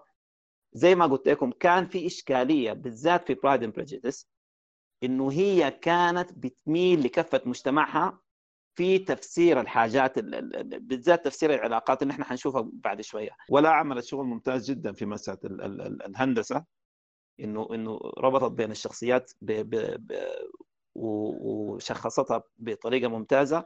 بس ال- الفارق إنه هي كانت بتعاني الموضوع ده من ناحية إنه ده الحب وده وده العلاقة وما عارف شنو. بينما جين ايرف ما كان عفوا جين أوستن ما كانت ما كانت تتكلم عن الموضوع ده. هي كانت تتكلم من منظور أعلى مراية مراية فوق للشخصيات دي كلها. المراية اللي هم ما شايفين نفسهم هم وهم تحتها ال- اللي هي مرايه الطبقه أو المجتمع طيب 1800 لحد بدايه لحد ال- القرن ال- يعني لحد ما وصلنا بدايه القرن العشرين يا جماعة يعني من العصر الادواردي للعصر بتاع الاقطاعيات لحد ما لحد ما جينا آه، جينا في الاخير آه، آه، برضه مرورا اللي هم الاقطاعيين أو كان بيسموهم في بريطانيا الوقت ده كان بيسموهم آه، ملاك الاراضي ولا ال- ال- ال- ال- ال- ال landed gentry okay؟ ال- ال- الناس ديل هي الرواية ليه ما بقى اسمها آه، يعني يعني ممكن pride دي بتبقى تبقى ال- العزة بدل الكبرياء وممكن ال prejudice ده آه، يبقى سوء الفهم مثلا في العلاقة ما يكون ال prejudice اللي هو الانحياز لأنه هي كانت بتتكلم عن ال mechanism بتاع الطبقات اللي هي بتحدد المعيار الأخلاقي لناسها فالفكرة إنه إنه في الفترة اللي هي كتبت فيه الرواية لحد قرن ثاني لقدام يا جماعة آه وده ودي دي الحاجة اللذيذة خالص اللي اللي اللي اجتهد فيها المخرج. طبعا أنا الحاجة اللي حمستني إنه أنا أشوف الفيلم إنه إنه جو رايت هو هو المخرج. يعني إذا أنتم عايزين تشوفوا فيلم بريطاني بال style ده بيتكلم عن الحب وفيه كيرا نايتلي وتدلعوا الناس اللي أنتم عايزينهم أحضروا Atonement. إنه يتكلم عن عن الحرب في عفوا الحب في داخل الحرب وما بين ما بين طبقات. لكن لما نيجي نتكلم عن عن عن Pride and Prejudice خلونا ناخذها من الأول. آه، على أساس نشوف ال- الصورة. ال- الشخصيتين الوحيدات اللي هم حبوا بمعنى ان هم حبوا يعني fully love كان أبو آه، ليزي وكان مستر دارسي. حب بمعنى حب إن إحنا بنقول إن هي علاقة بين بين اثنين. okay؟ لكن آه، علاقه متكاملة بين اثنين زي ما بتقول عليه هو آه، زندبيل. okay؟ الباقي كان كلهم بيتحركوا في المجال الأخلاقي والمعياري بتاع طبقتهم بتاع ثقافتهم اللي كانوا موجودين فيها في الوقت ذاك. خذوا خذوا الشخصيات كلها على بعضها يعني بس ميزه جو رايت لما رجع وعاد كتاب أو عفوا يعني است- استلهام القصة خلى يعني خلى فيها معالجة كوميدية بالنسبة للأم آه، Mrs. Bennet آه، خلى ال- الابو بي- بيجي كأنه هو زول صوفي أو درويش على أساس إنه هو عايز يوريكم إنه الابو ده هو الوحيد اللي كان فاهم مجتمعه صح okay؟ لكن على كبره ما كان عنده حيل إنه هو يواجه المجتمع ده. مين اللي كان بيسد محله؟ مين اللي كان بيكمل الطريق ده فيه؟ ليزي بنته عشان كده هو كان ليزي من دون كل البنات كان عادي يعرسوهم ما يعرسوهم ياخذوهم ما ياخذوهم ما فارقة معاهم إلا دي. لأنه دي هي اللي كانت الوحيدة اللي اللي قدرت انه انه إنه يكون عندها breakthrough في الرؤية إن هي تكسر القوالب الموجودة فيها. بداية من القالب ال- ال- الطبقي يعني يا أخي مس- مسألة ال academic يا جماعة إنه الزول يكون متعلم ما كان إنه هو قرأ قدر شنو؟ إنه لا إنه لازم تكون بتتعلم الرسم وشك التطريز و- و- وصب الطاولات يعني. على أساس كده خالة دارسي لما جت أول أول حاجة سألتها بتع- بتعرفي موسيقى؟ بتعرفي ترسمي إنه ده المعيار ده المعيار. إذا كانت هي دكتوره ولا كانت هي دكت... روائية ولا كانت واتسو ايفر برضه ما بينفع. بمعنى آخر ده ده مفهوم الب- البراغماتية إنه المجتمع البريطاني في نموذجه الأخلاقي هو هو مجتمع آه، متنفع منافق اجتماعيا وصولي وخاطئ على الأساس ده ال- ال- ال- ال- ال form بتاعت ال- الأخلاق بتاعته. وده يمكن ده كان أحسن حاجة عملتها آه، جين أوستن في في قراءه المجتمع إنه هي شخصت الموضوع ده من من من خلال ال- من خلال المرايه دي. هو ما حب يا جماعة الكلام هو ما ما حب. يعني يعني مسألة الحب اللي إحنا بنتكلم عنها. يعني أنت خد خد يعني مصداقا لكلامي okay؟ الشخصيات كلها كولينز اللي هو بيعتبر عن- بيعتبر minister يعني وقس يعني هو زول دين ومش عارف شنو اللي هو المفروض يكون متخفف في الموضوع ده. جاء يا زول هو زي ال- المغتربين في الثمانينات يعني اللي شاف البيت في شريط فيديو وجاي جاري كرشد وشايل له شنطة داري يعرس بس. قال له دي تنفع معاه أمها قالت أمها طبعا دار تتخلص. قالت لها okay. لما دي نفضته قام قال قالت له خذ أخوتها. قال يا أخي ما ما مشكلة امشي أخوتها. بس الفكرة إنه هو بس كان داري يعرس بمفهوم مفهوم الوجاهة الاجتماعية مع إنه هو كان رجل متدين. كويس؟ التسلق الاجتماعي اللي هو كان ما اعرف اسمه اللي هو العسكري اللي تربى آه، مع مع مع دارسي. وبعد كده عمل له crossover وخانه. أوكي؟ ده برضه ده كان هو الن- النموذج الوحيد اللي اللي قدر يلعب آه، بيقول اللي بتغلب به ويجم اللي بتغلب به العب به هو بقى يلعب على وسامته بلس انه هو عسكري انه هو يكون له تاريخ من فروم nothing على أساس انه هو يصل. أوكي؟ المعيار الأخلاقي الثالث يا جماعة اللي هو في مفهوم الشرف ولا كانت تكلمت عنه إنه إنه إنه العائلة والفاميلي والخروج هو ما كان كده يا جماعة هو ما كان كده. البت الهطلة ديك لما هربت يا جماعة هربت لأنه كان في ضغط من مجتمعها ومن أمها تحديدا okay؟ إنهم يعرسوا. كان المفهوم نفعي إنه هم لازم يعرسوا على ناس wealthy على أساس إنه هم ما يبقوا bankrupt ما بيتهم ما يتباع ما يخشوا في الدوامة دي.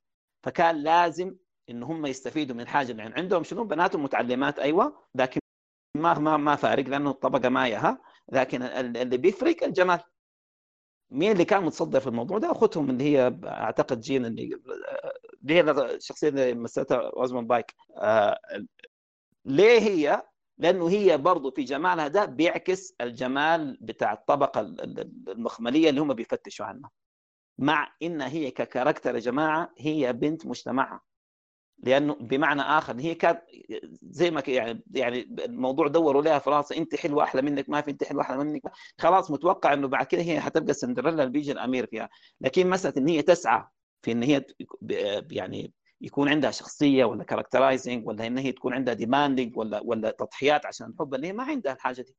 هي كان متخيل إنه راس حربتها وكل شيء هو معتمد على جمالها ده. وبعدها حنجازف بمعنى آخر حنجازف لأنه كل شيء ممهد بالنسبة لها طالما أنت بقيتي حلوة.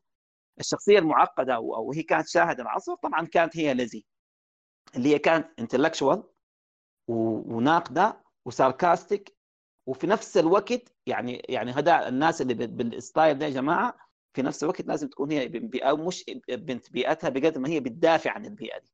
بتدافع عن البيئة دي هو ده مفهوم مفهوم إنه هي عشان تقدر تواصل في حياتها في مفهومها ده الثوري ده لازم تقولب كل الطبقات الثانية. عشان كذا مستر دارسي كان هو عبارة عن نمط يعني محفوظ بالنسبة لها إنه إنه ده ده, ده زول خاين crossover ما عنده ما, ما عنده عشرة بارد مش عارف شنو. كلام لازم هو يبقى على النموذج ده على أساس هي عشان يكون الموضوع عندها sane منطقي rational طيب لحد ما جاء دارسي وكسر القالب ده طبعا.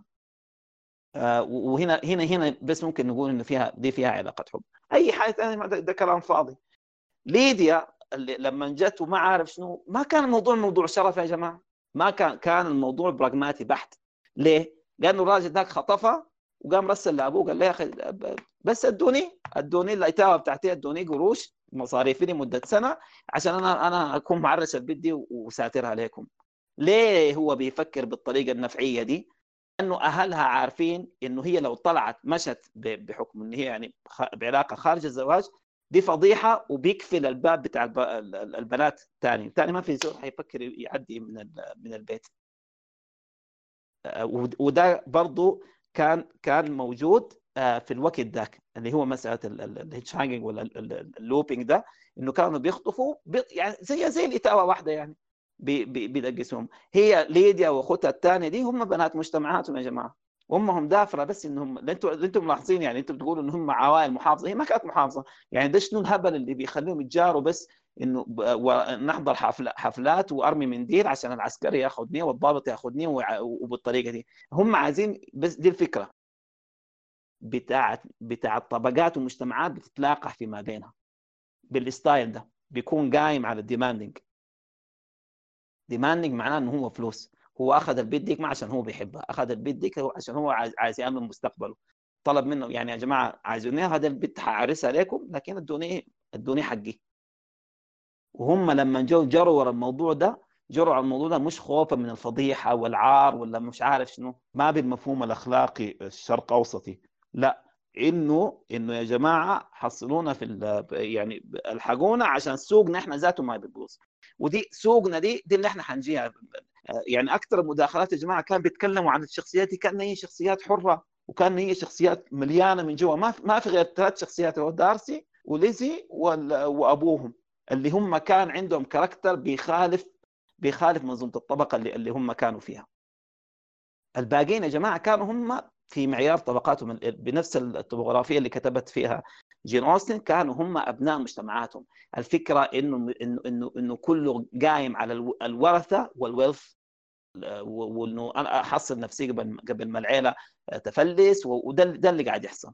بالمناسبة جين أوستن في يعني لو هي عندها ست روايات أربع روايات كلها بس موضوع زي كده ورث وقروش وما عارف وضيعة وكلام فارغ زي كده. ما بمعنى آخر يا جماعة يعني اللي أنا عايز أقوله إنه الناس بيقولوا wow هو فعلا بالمناسبة يعني يحسب لجو رايت انه إنه أنا بالنسبة لي عجبني في في ال cinematography كثير خالص يعني في في شغل بتاع إخراج فنان خالص عملوا فيه بما يناسب اللي هو بما ياكد على كلامي ده. يعني عندكم بالذات المشهد أنا بعتبره من أحلى المشاهد اللي عمله وهو المشهد اللي هي على المرجيحة وقامت لقت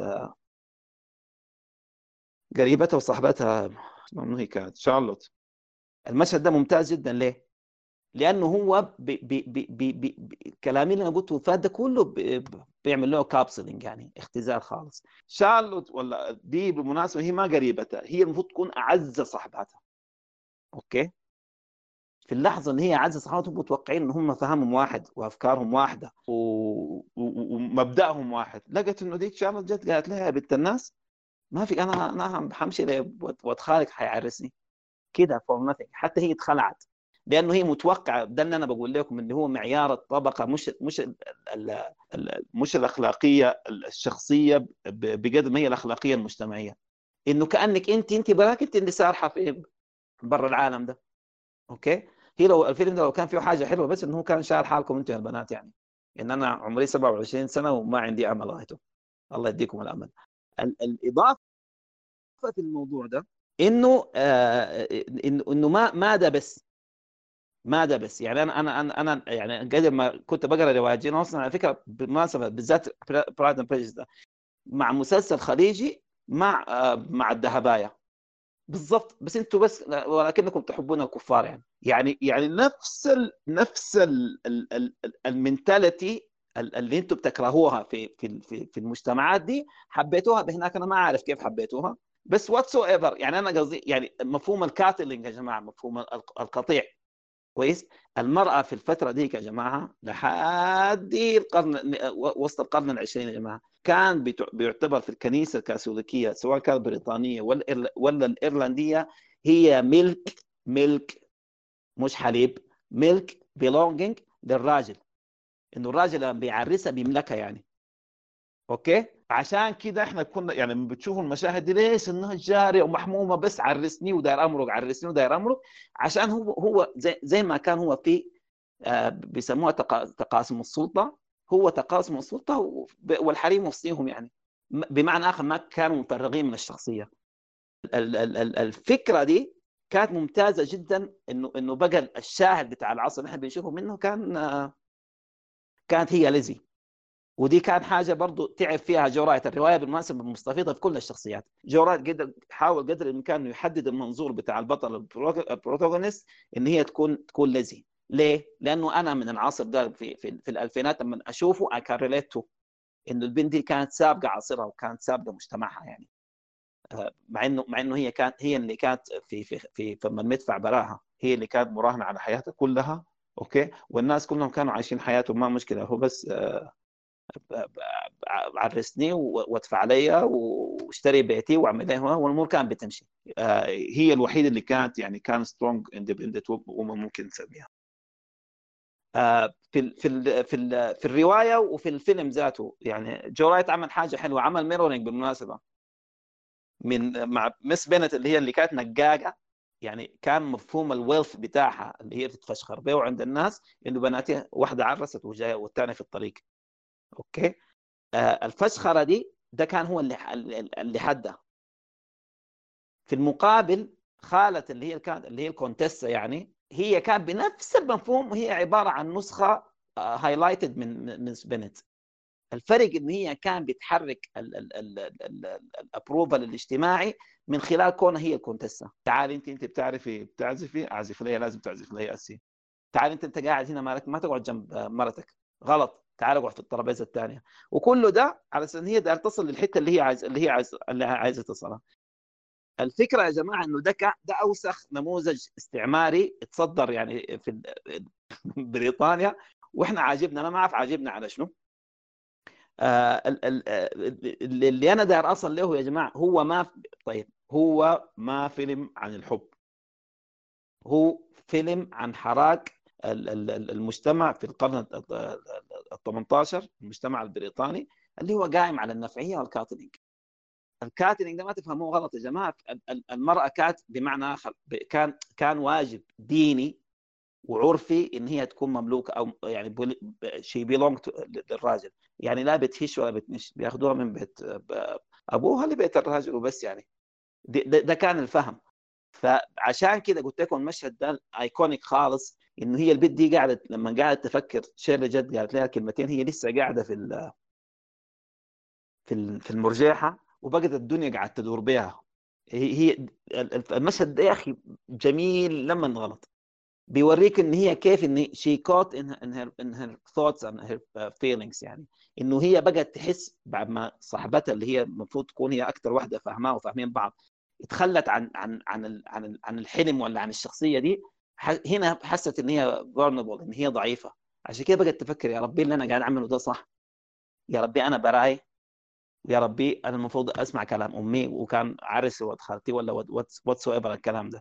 فعشان كده كان قاعد تلف حوالين نفسها. وكل ما بتلف لو أنتم متذكرين بتلقوا المشهد ده قاعد يعمل shifting مع كل لفة بتلقوا المشهد إنه قاعدين يطلعوا ال- البقار من من الحظيرة. المشهد اللي بعديه الحصين وقاعدين يركبون العربات. المشهد اللي بعديه قاعدين يشيلوا القش وقاعدين يردموه. ده المفهوم اللي أنا بقول لكم عليه اللي هو المفهوم ال- البراغماتي الطبقي. إن هي طبقات كانت بت- بتتعايش وبتمشي بال- بالمفهوم ده. ما تغير فصول. ما تغير فصول. عامل زي زي ال- البعير طيب ولا هو ولا- التور عندنا في الشمالية. إنه إنه إنه الدنيا قاعد تمشي على أساس إنه ده أهم حاجة فيها.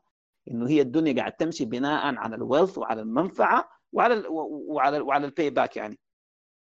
فهي هي الوحيدة يا جماعة اللي هي يعني يعني سابقة عصرها كأنها هي كانت معانا في الزمن ده ومشت آه، للزمن ال- ال- القديم ذاك. عشان كده هي كانت كانت obsolete عشان كده كانت هي overshadows okay؟ آه، هنا بيبين إنه هي هي وأبوها عبارة عن كتلة واحدة لأنه أبوها قنع هو فاهم. وهو ح... وهو هو أكثر واحد يعني عنده البصيرة النازلة دي لكن هو لاقي إنه مع عمره كبير ده ما حيخارج فبقى سلم ال- ال- ال- ال- الدفة لمرته وبقت هي هنا وبقى هو يعني خيخة إلا شوية. ما ما بيهمه الكلام ده. ليه؟ لأنه هو أصلا عازف وعنده رأي فيه لكن ما عنده ما عنده مروة انه هو يقاوم. قاوم 200 قاوم لما لما لقى إنه بنته هي دي ليزي الوحيدة الفاهمة عن عن بناته كلهم آه إن هي على المحك. عشان كده كان لازم يتأكد انه من من الحاجة دي. المشاهد كلها يا جماعة مضفورة على على على الحس ده. الوقت اللي اللي اسمها منو هي؟ اختهم جين دي لما جو خطبوها كان برضو جو رايت عمل بيعمل حركة حلوة بيخلي من بداية الفيلم يعني بيخلي الكاميرا هي قاعد تمشي بتعمل بتعمل تعمل walk in بتلف حوالين البيت كله عشان أنتوا تشوفوا ال- ال- ال- الوضع وتسمعوا يعني حوارات مجتزأة فيهم. لما لما أول ما خطبوا البيت لل- لل- للراجل الخيخ التاني نسيت اسمه الارستقراطي ده okay؟ آه لما رقدوا وهم مبسوطين كان كلامهم شنو؟ كان كلامهم يا جماعة البيت الحمد لله طمنا عنه. الزول ده راتبه يعني أنا كنت عايز الراتب يكون الزول ده بياخذ 5000 pound يعني قالت لي 5000 شنو؟ إحنا مش عارف شنو. بمعنى آخر يا جماعة ما يعني ال- الكلام الرومانسي أنتم قاعدين تقولوا عليه في الوقت ذاك ما كان موجود إلا عند أعيد وأكرر عند ليزي عند مستر دارسي بالدرجة الأولى وعند أبوها. okay أنتوا حابينه ليش شنو؟ أنتوا أنتوا واحد أنتوا يا جماعة يا أنتوا تبقوا نسويات ولا feminism و strong independent والمرأة لازم يكون عندها كيان ولازم يكون عندها مش عارف شنو. يا انكم أنتوا تبقوا في, القطيع ده يعني. الناس زي قدموا الفيلم ده. جو رايت كان عامل نقد لل- لل- للطبقة ديك على من من خلال آه، إنه هو قلب كتابة آه، جين أوستن على نفسه. بس أنا قصدي يا جماعة الحب بمعنى الحب. ال- الحب بمعنى الحب اللي هو اللي قالت عليه زندبيل بنفس الكلام اللي قالته. okay؟ ما كان موجود بالشكل المتكامل ده. okay؟ وما كان في دافع العشق إنه هو بقى هو هو المحرك الأكبر للقصة دي إلا عن طريق مستر آه، دارسي. مستر دارسي كان هو شخصية دي يعني defensive يعني هو يعني هو كان آه، بيتعامل مع المجتمع ده من حكمه عليه بسبب الحيوان اللي اللي اللي شوكش آه، أخته. وفي نفس الوقت بطريقته ده كان بيثبت ال- ال- المعيار النمطي ل- ل- له هو هو وطبقته من خلال منظور منظور ليزي هذا ال pride and prejudice جمعوهم لكم مع بعض. كان هو الوحيد اللي لازم يكسر. كان هو الوحيد اللي لازم عشان كده بالمناسبه مستر دارسي ده هو نفس الأمير اللي بتاع اللي جاء في سندريلا يعني جاء عشان يحل كل المشاكل مرة واحدة. هو ما كان بيحل المشاكل عشان لازم يحلها. بمعنى آخر هو ما ما يعني برضه كان فيها problematic لكن بسيطة لكن كان هو كان هو عاشق.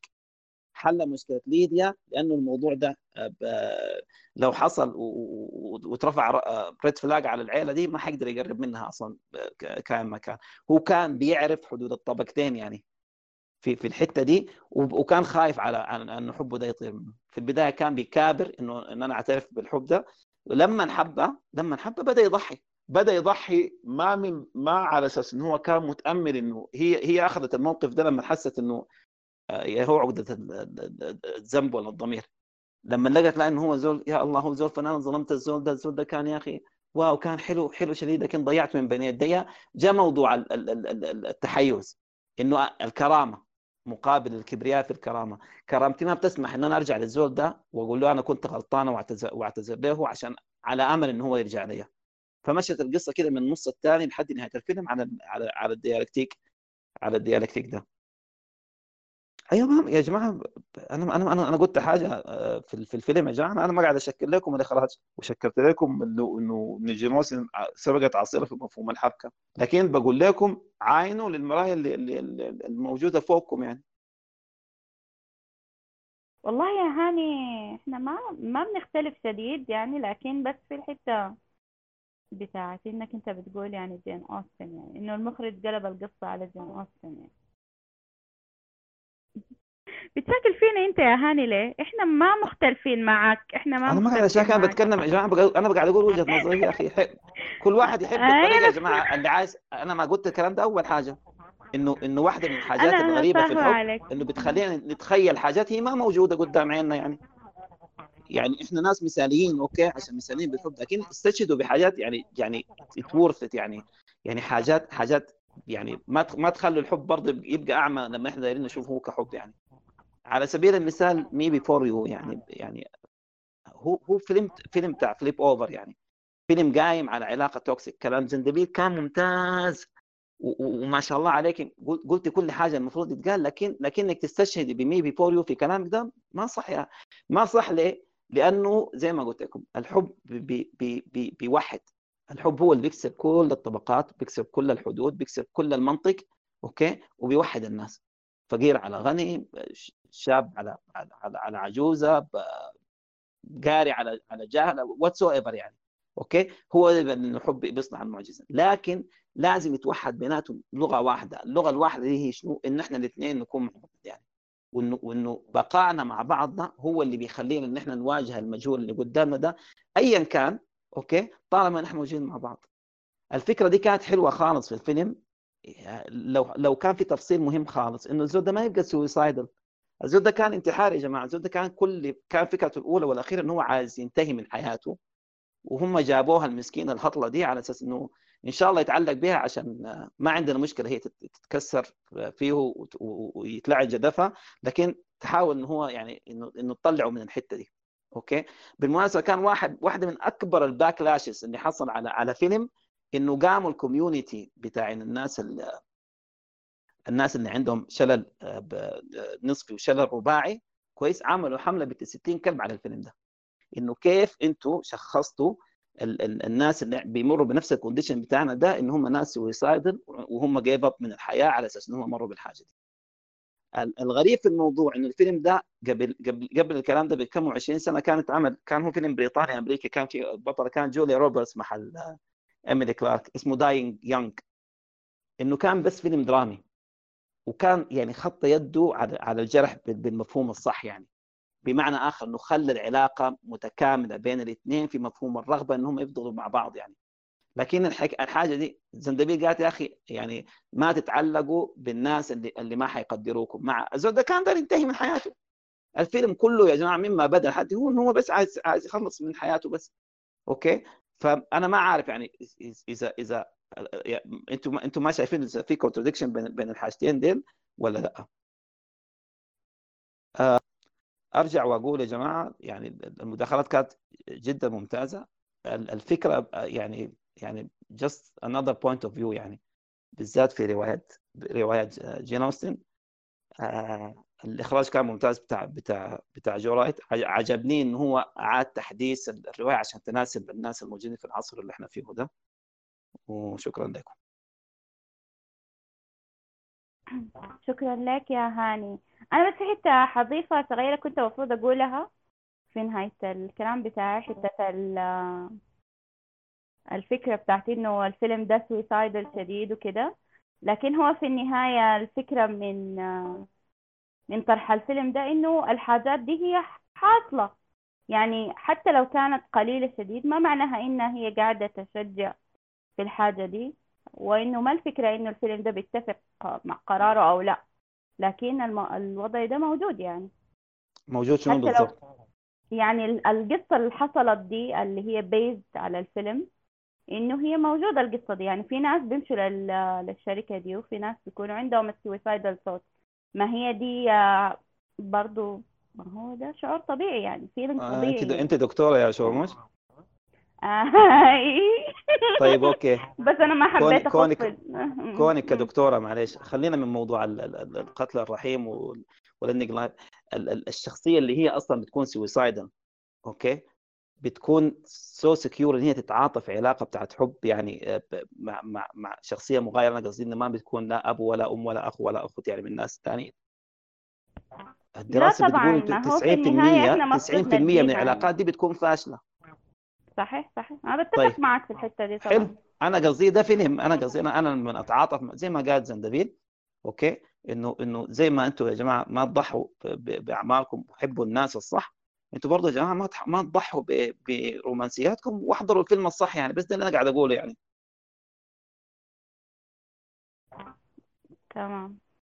يا زندبيل تعقبي عشان ناخد المداخلات باقي المداخلات. والله آه شكرا لكم آه يا هاني ويا شو آه وليكم كلكم. هو سؤال وهي هي مداخلة وسؤال فني وكلهم مع بعض يعني. أم طيب آه الحصل شنو؟ كان في لقطة كده لما البنت السمحة مش عارف اشقر آه هي اسمها جين صح؟ لما جين دي وليزي قاموا جو راجعين البيت من أول حفلة. كانوا كده تحت البطانية قامت قلت لها انتي شايفة تعتقدي إنه حباني يعني نحن الآن الآن نحن نتحدث عن الحب أبو أول نظرة قامت ليزي تقريبا لو الذاكرة ما خايناني قلت لها أم أي حباك وبعدين هو وضعه كويس وحاجات زي دي. ليزي هنا كانت شوية مادية فقامت جين طوالي ردت عليها قلت لها لكن أنا ما عايزة أحبه عشان وضعه. نحن ما مفروض نعاين الناس بالطريقة دي. فالفيلم ده برضو بيتكلم عن الحب أبو ضدين الحب بتاع الناس اللي أغرموا ببعض بين قوسين آه من أول نظرة والناس التانيين اللي هم كانوا بي كذا بي بيصارعوا في نفسهم في الكبرياء بتاعهم. فيعني نحن شفنا الاثنين. فأنا بس كنت عايزة أسأل هاني رايه من يعني رايه في الحاجة دي شنو؟ وبرضه عندنا الحب الثالث بتاع أنا ناسية اسمها منو يا شباب لكن فلانة ديك كانت عايزة تعيش. هي بس كانت عايزة تعيش عايزة بيت عايزة زول يلمها وشايفة عمرها والحاجات دي اللي اتزوجت القسيس. آه والقسيس داك أنا صراحة ما كنت عارفة هو ماله. هو في شنو؟ آه أول حاجة مشى للأم قام قال لها آه أنا حبيت آه بنتك أم شعر أشقر جين. قام قلت له غير متاحة. قام مشى تاني لليزي. أم فلما جاي يتكلم مع ليزي قال لها أنا مما دخلت البيت كذب عليها أنا مما دخلت البيت شفت فيك مواصفات الزوجة المثالية بالنسبة لي. أم في النهاية رفضته وطوالي قبل فلانة ديك اللي كانت عايزة تعيش اللي هو فالمهم يا هاني أنا بس كنت يعني دايرة أشوف نظرة وجهة نظرك في الموضوع ده شنو؟ وإنتوا برضو يا شباب يعني.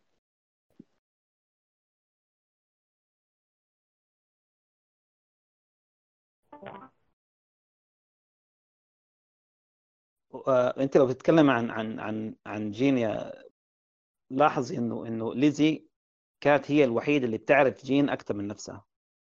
لأنه نرجع نرجع لموضوع الطبقة. إنه إنه جين كانت بنت مجتمعها. بمعنى آخر ده اللي قاعد يحصل للأسف الشديد يعني مع البنات السمحات شديد يعني.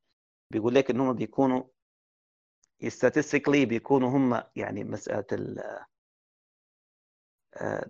ما يعني مسألة مسألة مكافحتهم ومناضلتهم قصاد الحياة. بتكون أضعف بكثير من أي بنت ثانية ليه؟ لأنه من هي صغيرة بيعششوا في رأسها بالفكرة دي. طالما انت حلوة امورك بعد قاعد تمشي زي الحلاوة يعني. ودي الفكرة بتاعت ال- ال- الفكرة ال- ال- ال- الفلكلورية بتاعت ليلي اللي هي ال- ال- ال- ال- الريد هود بنفس المفهوم ده. آه لما جت قالت الكلام ده مس- مسألة ال affection. أنا هو بقى غرام كيف إنه مسألة ال affection هي قالت إنه الحاجة دي موجودة. لو انت متذكرة آه ليزي قالت لها طوالي شنو؟ قالت لها قالت لها الزول ده بيحبك وانت لازم توريه وتكافي عشان الحب ده بالنسبة لها هي بحكم إنه المفروض هي تبقى سندريلا اللي بيجي Can I take this dance with you my pink admin أوكي؟ ال- الفكرة دي إيه، لأن هي قالت لها ما ما بتمشي ما يعني دي برضه واحدة من القيود اللي نسجتها لها مجتمعها. أوكي؟ على أساس إن هي ان إن هي إن هي تخلصها عليها. عشان كده قلت لك كان عندها نفاذية. آه، ليزي كانت هي شاهد العصر آه، انه هي تعاين لكل الفلوس والحياة الحلوة في الناس اللي حواليهم أوكي؟ وبعد ده كانت حاجة مسؤولة. ال- ال- الحب يا جماعة كعلاقة لازم يكون يعني 100% قائم على على على على القابلية للتضحية. عشان كده مستر دارسي هو حبه. إن هو كان بيضحي أوكي؟ ما بيضحي عشان هو بيحبها ما عشان هو بيضحي بنفس المفهوم النفعي. أنا أديت معناه إنه حيجيني في المقابل. أوكي؟ وفي نفس الوقت ال- ال- التحيز آه، آه، ليزي لكرامتها نفسه أوكي؟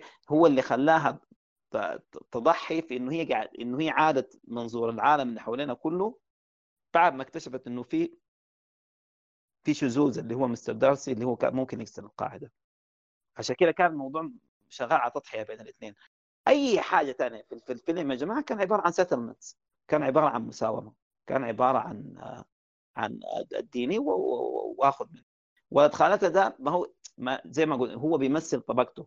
في مفهوم المي الميتنج أو اللقاء بال- بالشريكة ولا السباوس ولا مش عارف شنو هم عادين ما قال لهم قال لهم يا جماعة أنا زوج كلام وال- والكونتستا ستي متكيفة مني عشان أنا قاعد أنا بتكلم بيكون لبق خالص وحيقول كلام حلو شديد ومش عارف شنو. فهو ده كلام هو حافظه وعارف إنه هو حيقوله عشان هو كان متوقع إنه إنه ليزي حتتدردق طوال يعني بالكلام اللي هو قاله. عشان كده هو ما انصدم يا جماعة.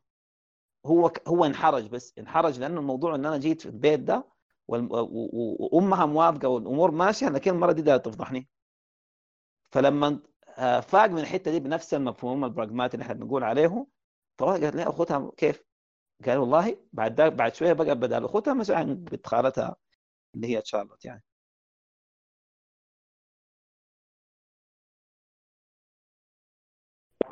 تمام شكرا لك يا هاني. آه مقداد؟ آه، المداخلة الجاية. مساء الخير السلام عليكم. وعليكم السلام. معليش أنا آه، أصلا ما عندي كلام كتير لكن آه، هطلع شوية كده برا المداخلات الفرة دي و لأن يعني آه، فرضت علينا الحاجة دي.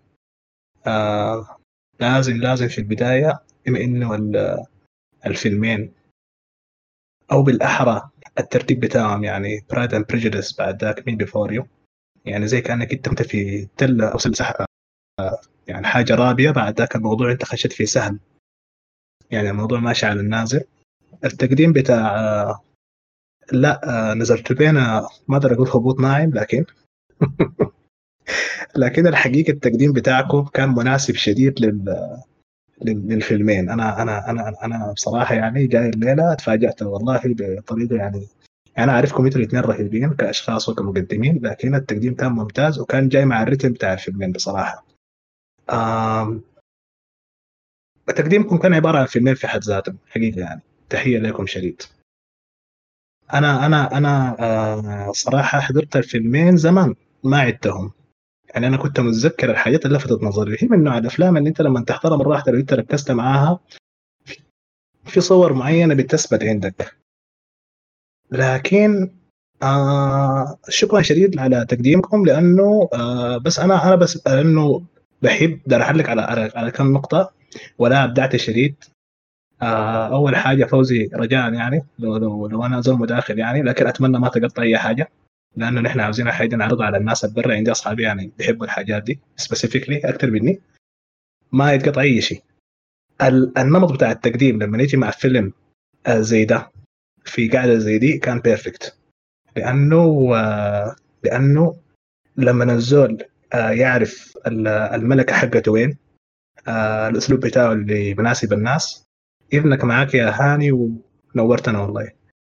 وبعد ذاك يصبغ الحاجة دي بالأسلوب اللطيف بتاعه بالساركازم في نفس الوقت يجي يقعد الكلام بتخطيط ممتاز شديد ويقسم الحاجة يعني قدامنا زي يعني يعني نحن شفنا الزول ما حضر الفيلم والحاجة دي أنا سجلت بها ناس كتار نفسه اتفتحت للفيلم والناس اللي حضروه زينا دار يحضروه تاني يعني دار يحضروه on ولاء point of view فعشرة على عشرة.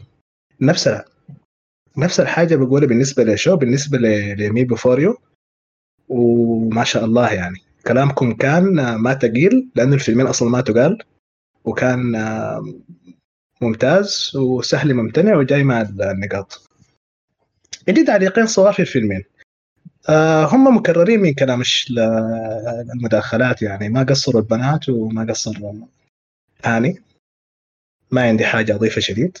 بالنسبة ل Pride and Prejudice ما هتكلم عن الشخصيات لأنه ما شاء الله ما ما خليت فيها حاجة. لكن برضو أنا بس أحب أعلق مرة ثانية بما إني أنا مهتم شديد بصناعة القصة بشكل عام إنه الحتة بتاعت ال character engagement يعني اختلاط ال characters ببعض انه ال character development غالبا في القصص بيكون عبارة عن حاجة آه، عوامل خارجية واحتكاك.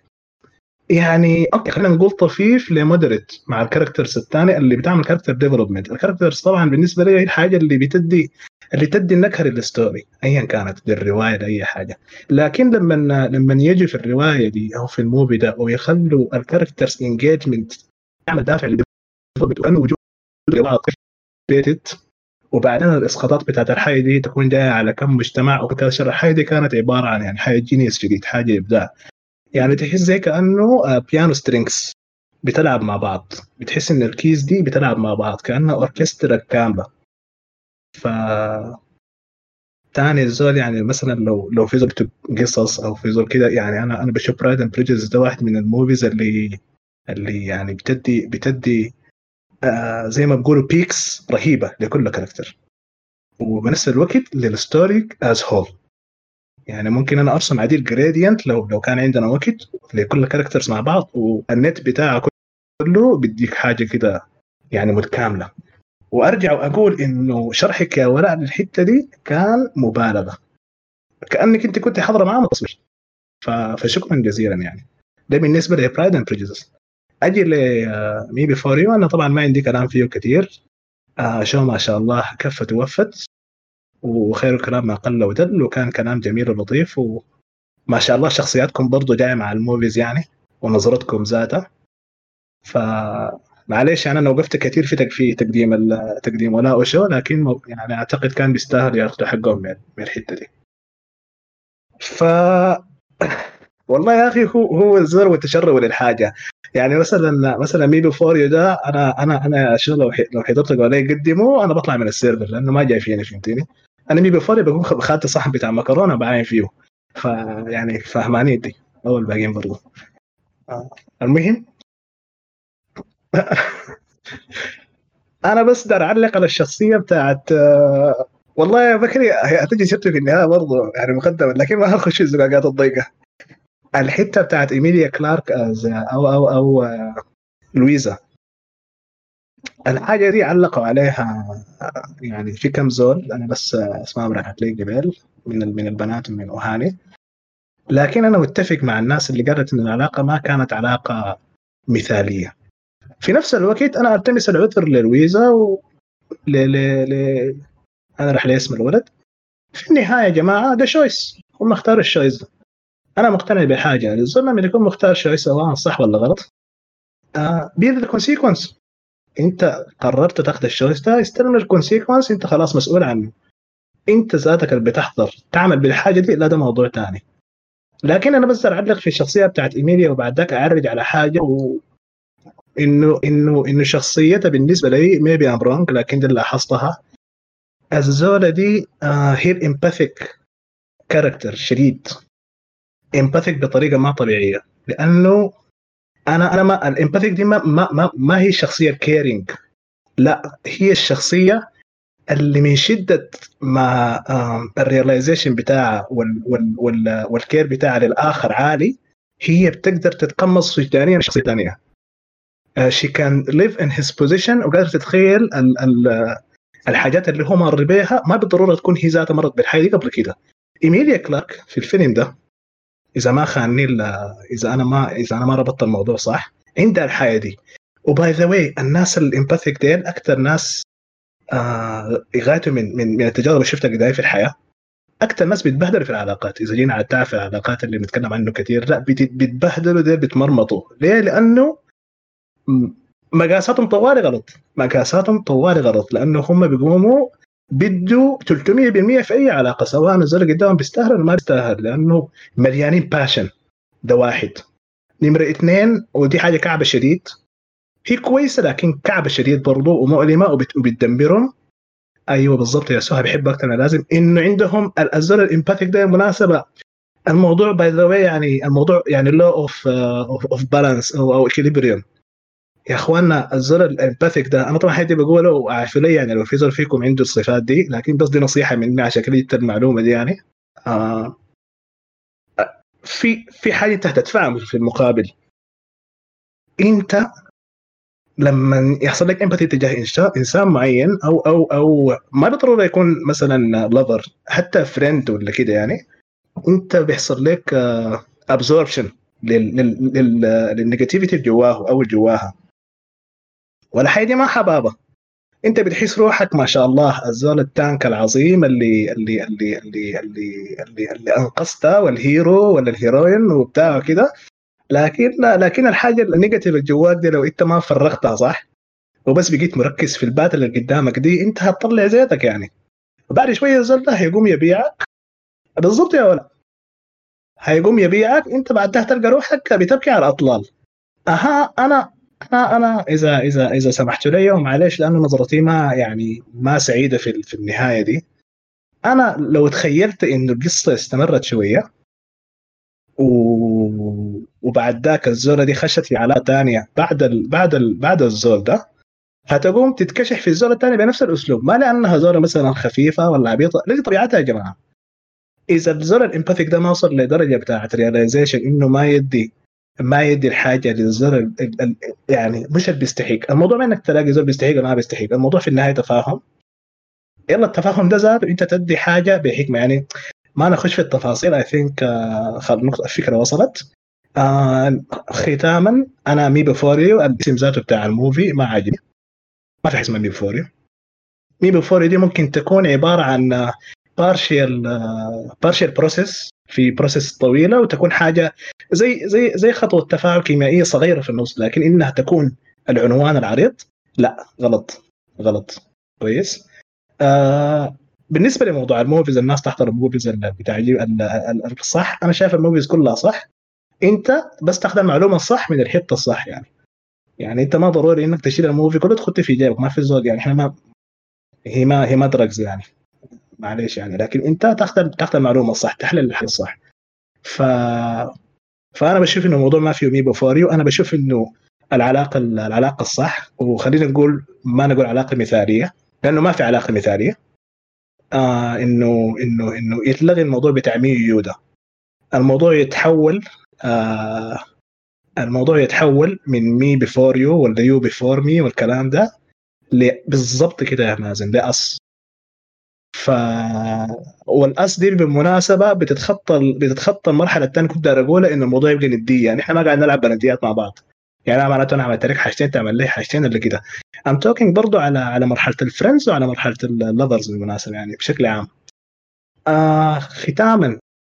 خلاص ال us دي أنت خلاص يعني انت انت انت انت, أنت اذا اذا اذا إذا علاقتك بالزول وصلت إنك تشربت الزول ده وبقيت بتحبه في نفس الوقت محافظ على الكينونة بتاعتك كإنسان. والموضوع يتحول من مجرد حب لأنه مع احترامي للحب يعني عن حاجة عظيمة. في النهاية خطوه التفاهم هو أعظم الحب. ما هو بدايته؟ هو أعظم. كويس. التفاهم والاحترام كويس. بعد ذاك أنتم أموركم بتبقى واضحة. ختاما في في أبيات شعرية عجبتني. ذكرتني في موضوع اصده آه كان قال الشاعر الشيرازي. قال آه ودي الحاجة المفروض إيميليا كلارك والناس الإمباثيك وغيرهم يعني يتعلموها والناس بشكل عام. آه إنه إنه إنه الناس لما تبقى قاص يعني. قال له قال لي المحبوب لما زرته من ببابي؟ قلت بالباب أنا. قال لي أخطأت تعريف الهوى حينما فرقت فيه بيننا ومضى عام فلما جئته أطرق الباب عليه موهنا قال لي من أنت؟ قلت انظر فما ثم إلا أنت بالباب هنا. قال لي أحسنت تعريف الهوى وعرفت الحب فادخل يا أنا. شكرا جزيلا. آه شكرا لك يا مقداد. بالنسبة لحتة الاسم دي آه بتفق معك. لكن برضو بشوف إن هم ممكن يكونوا قالوا حتة آه me before you دي إنه معناها دايما بيكون في حياتنا بالمجمل. في شخص بيجي بيضيف لي للحياة دي نكهة أو بيضيف لها معنى. فتخيل لي ده هو المقصود يعني. آه شكرا لكم آه جميعا. نختم جلستنا ولحد ما نلقاكم في جلسات أخرى. وشكرا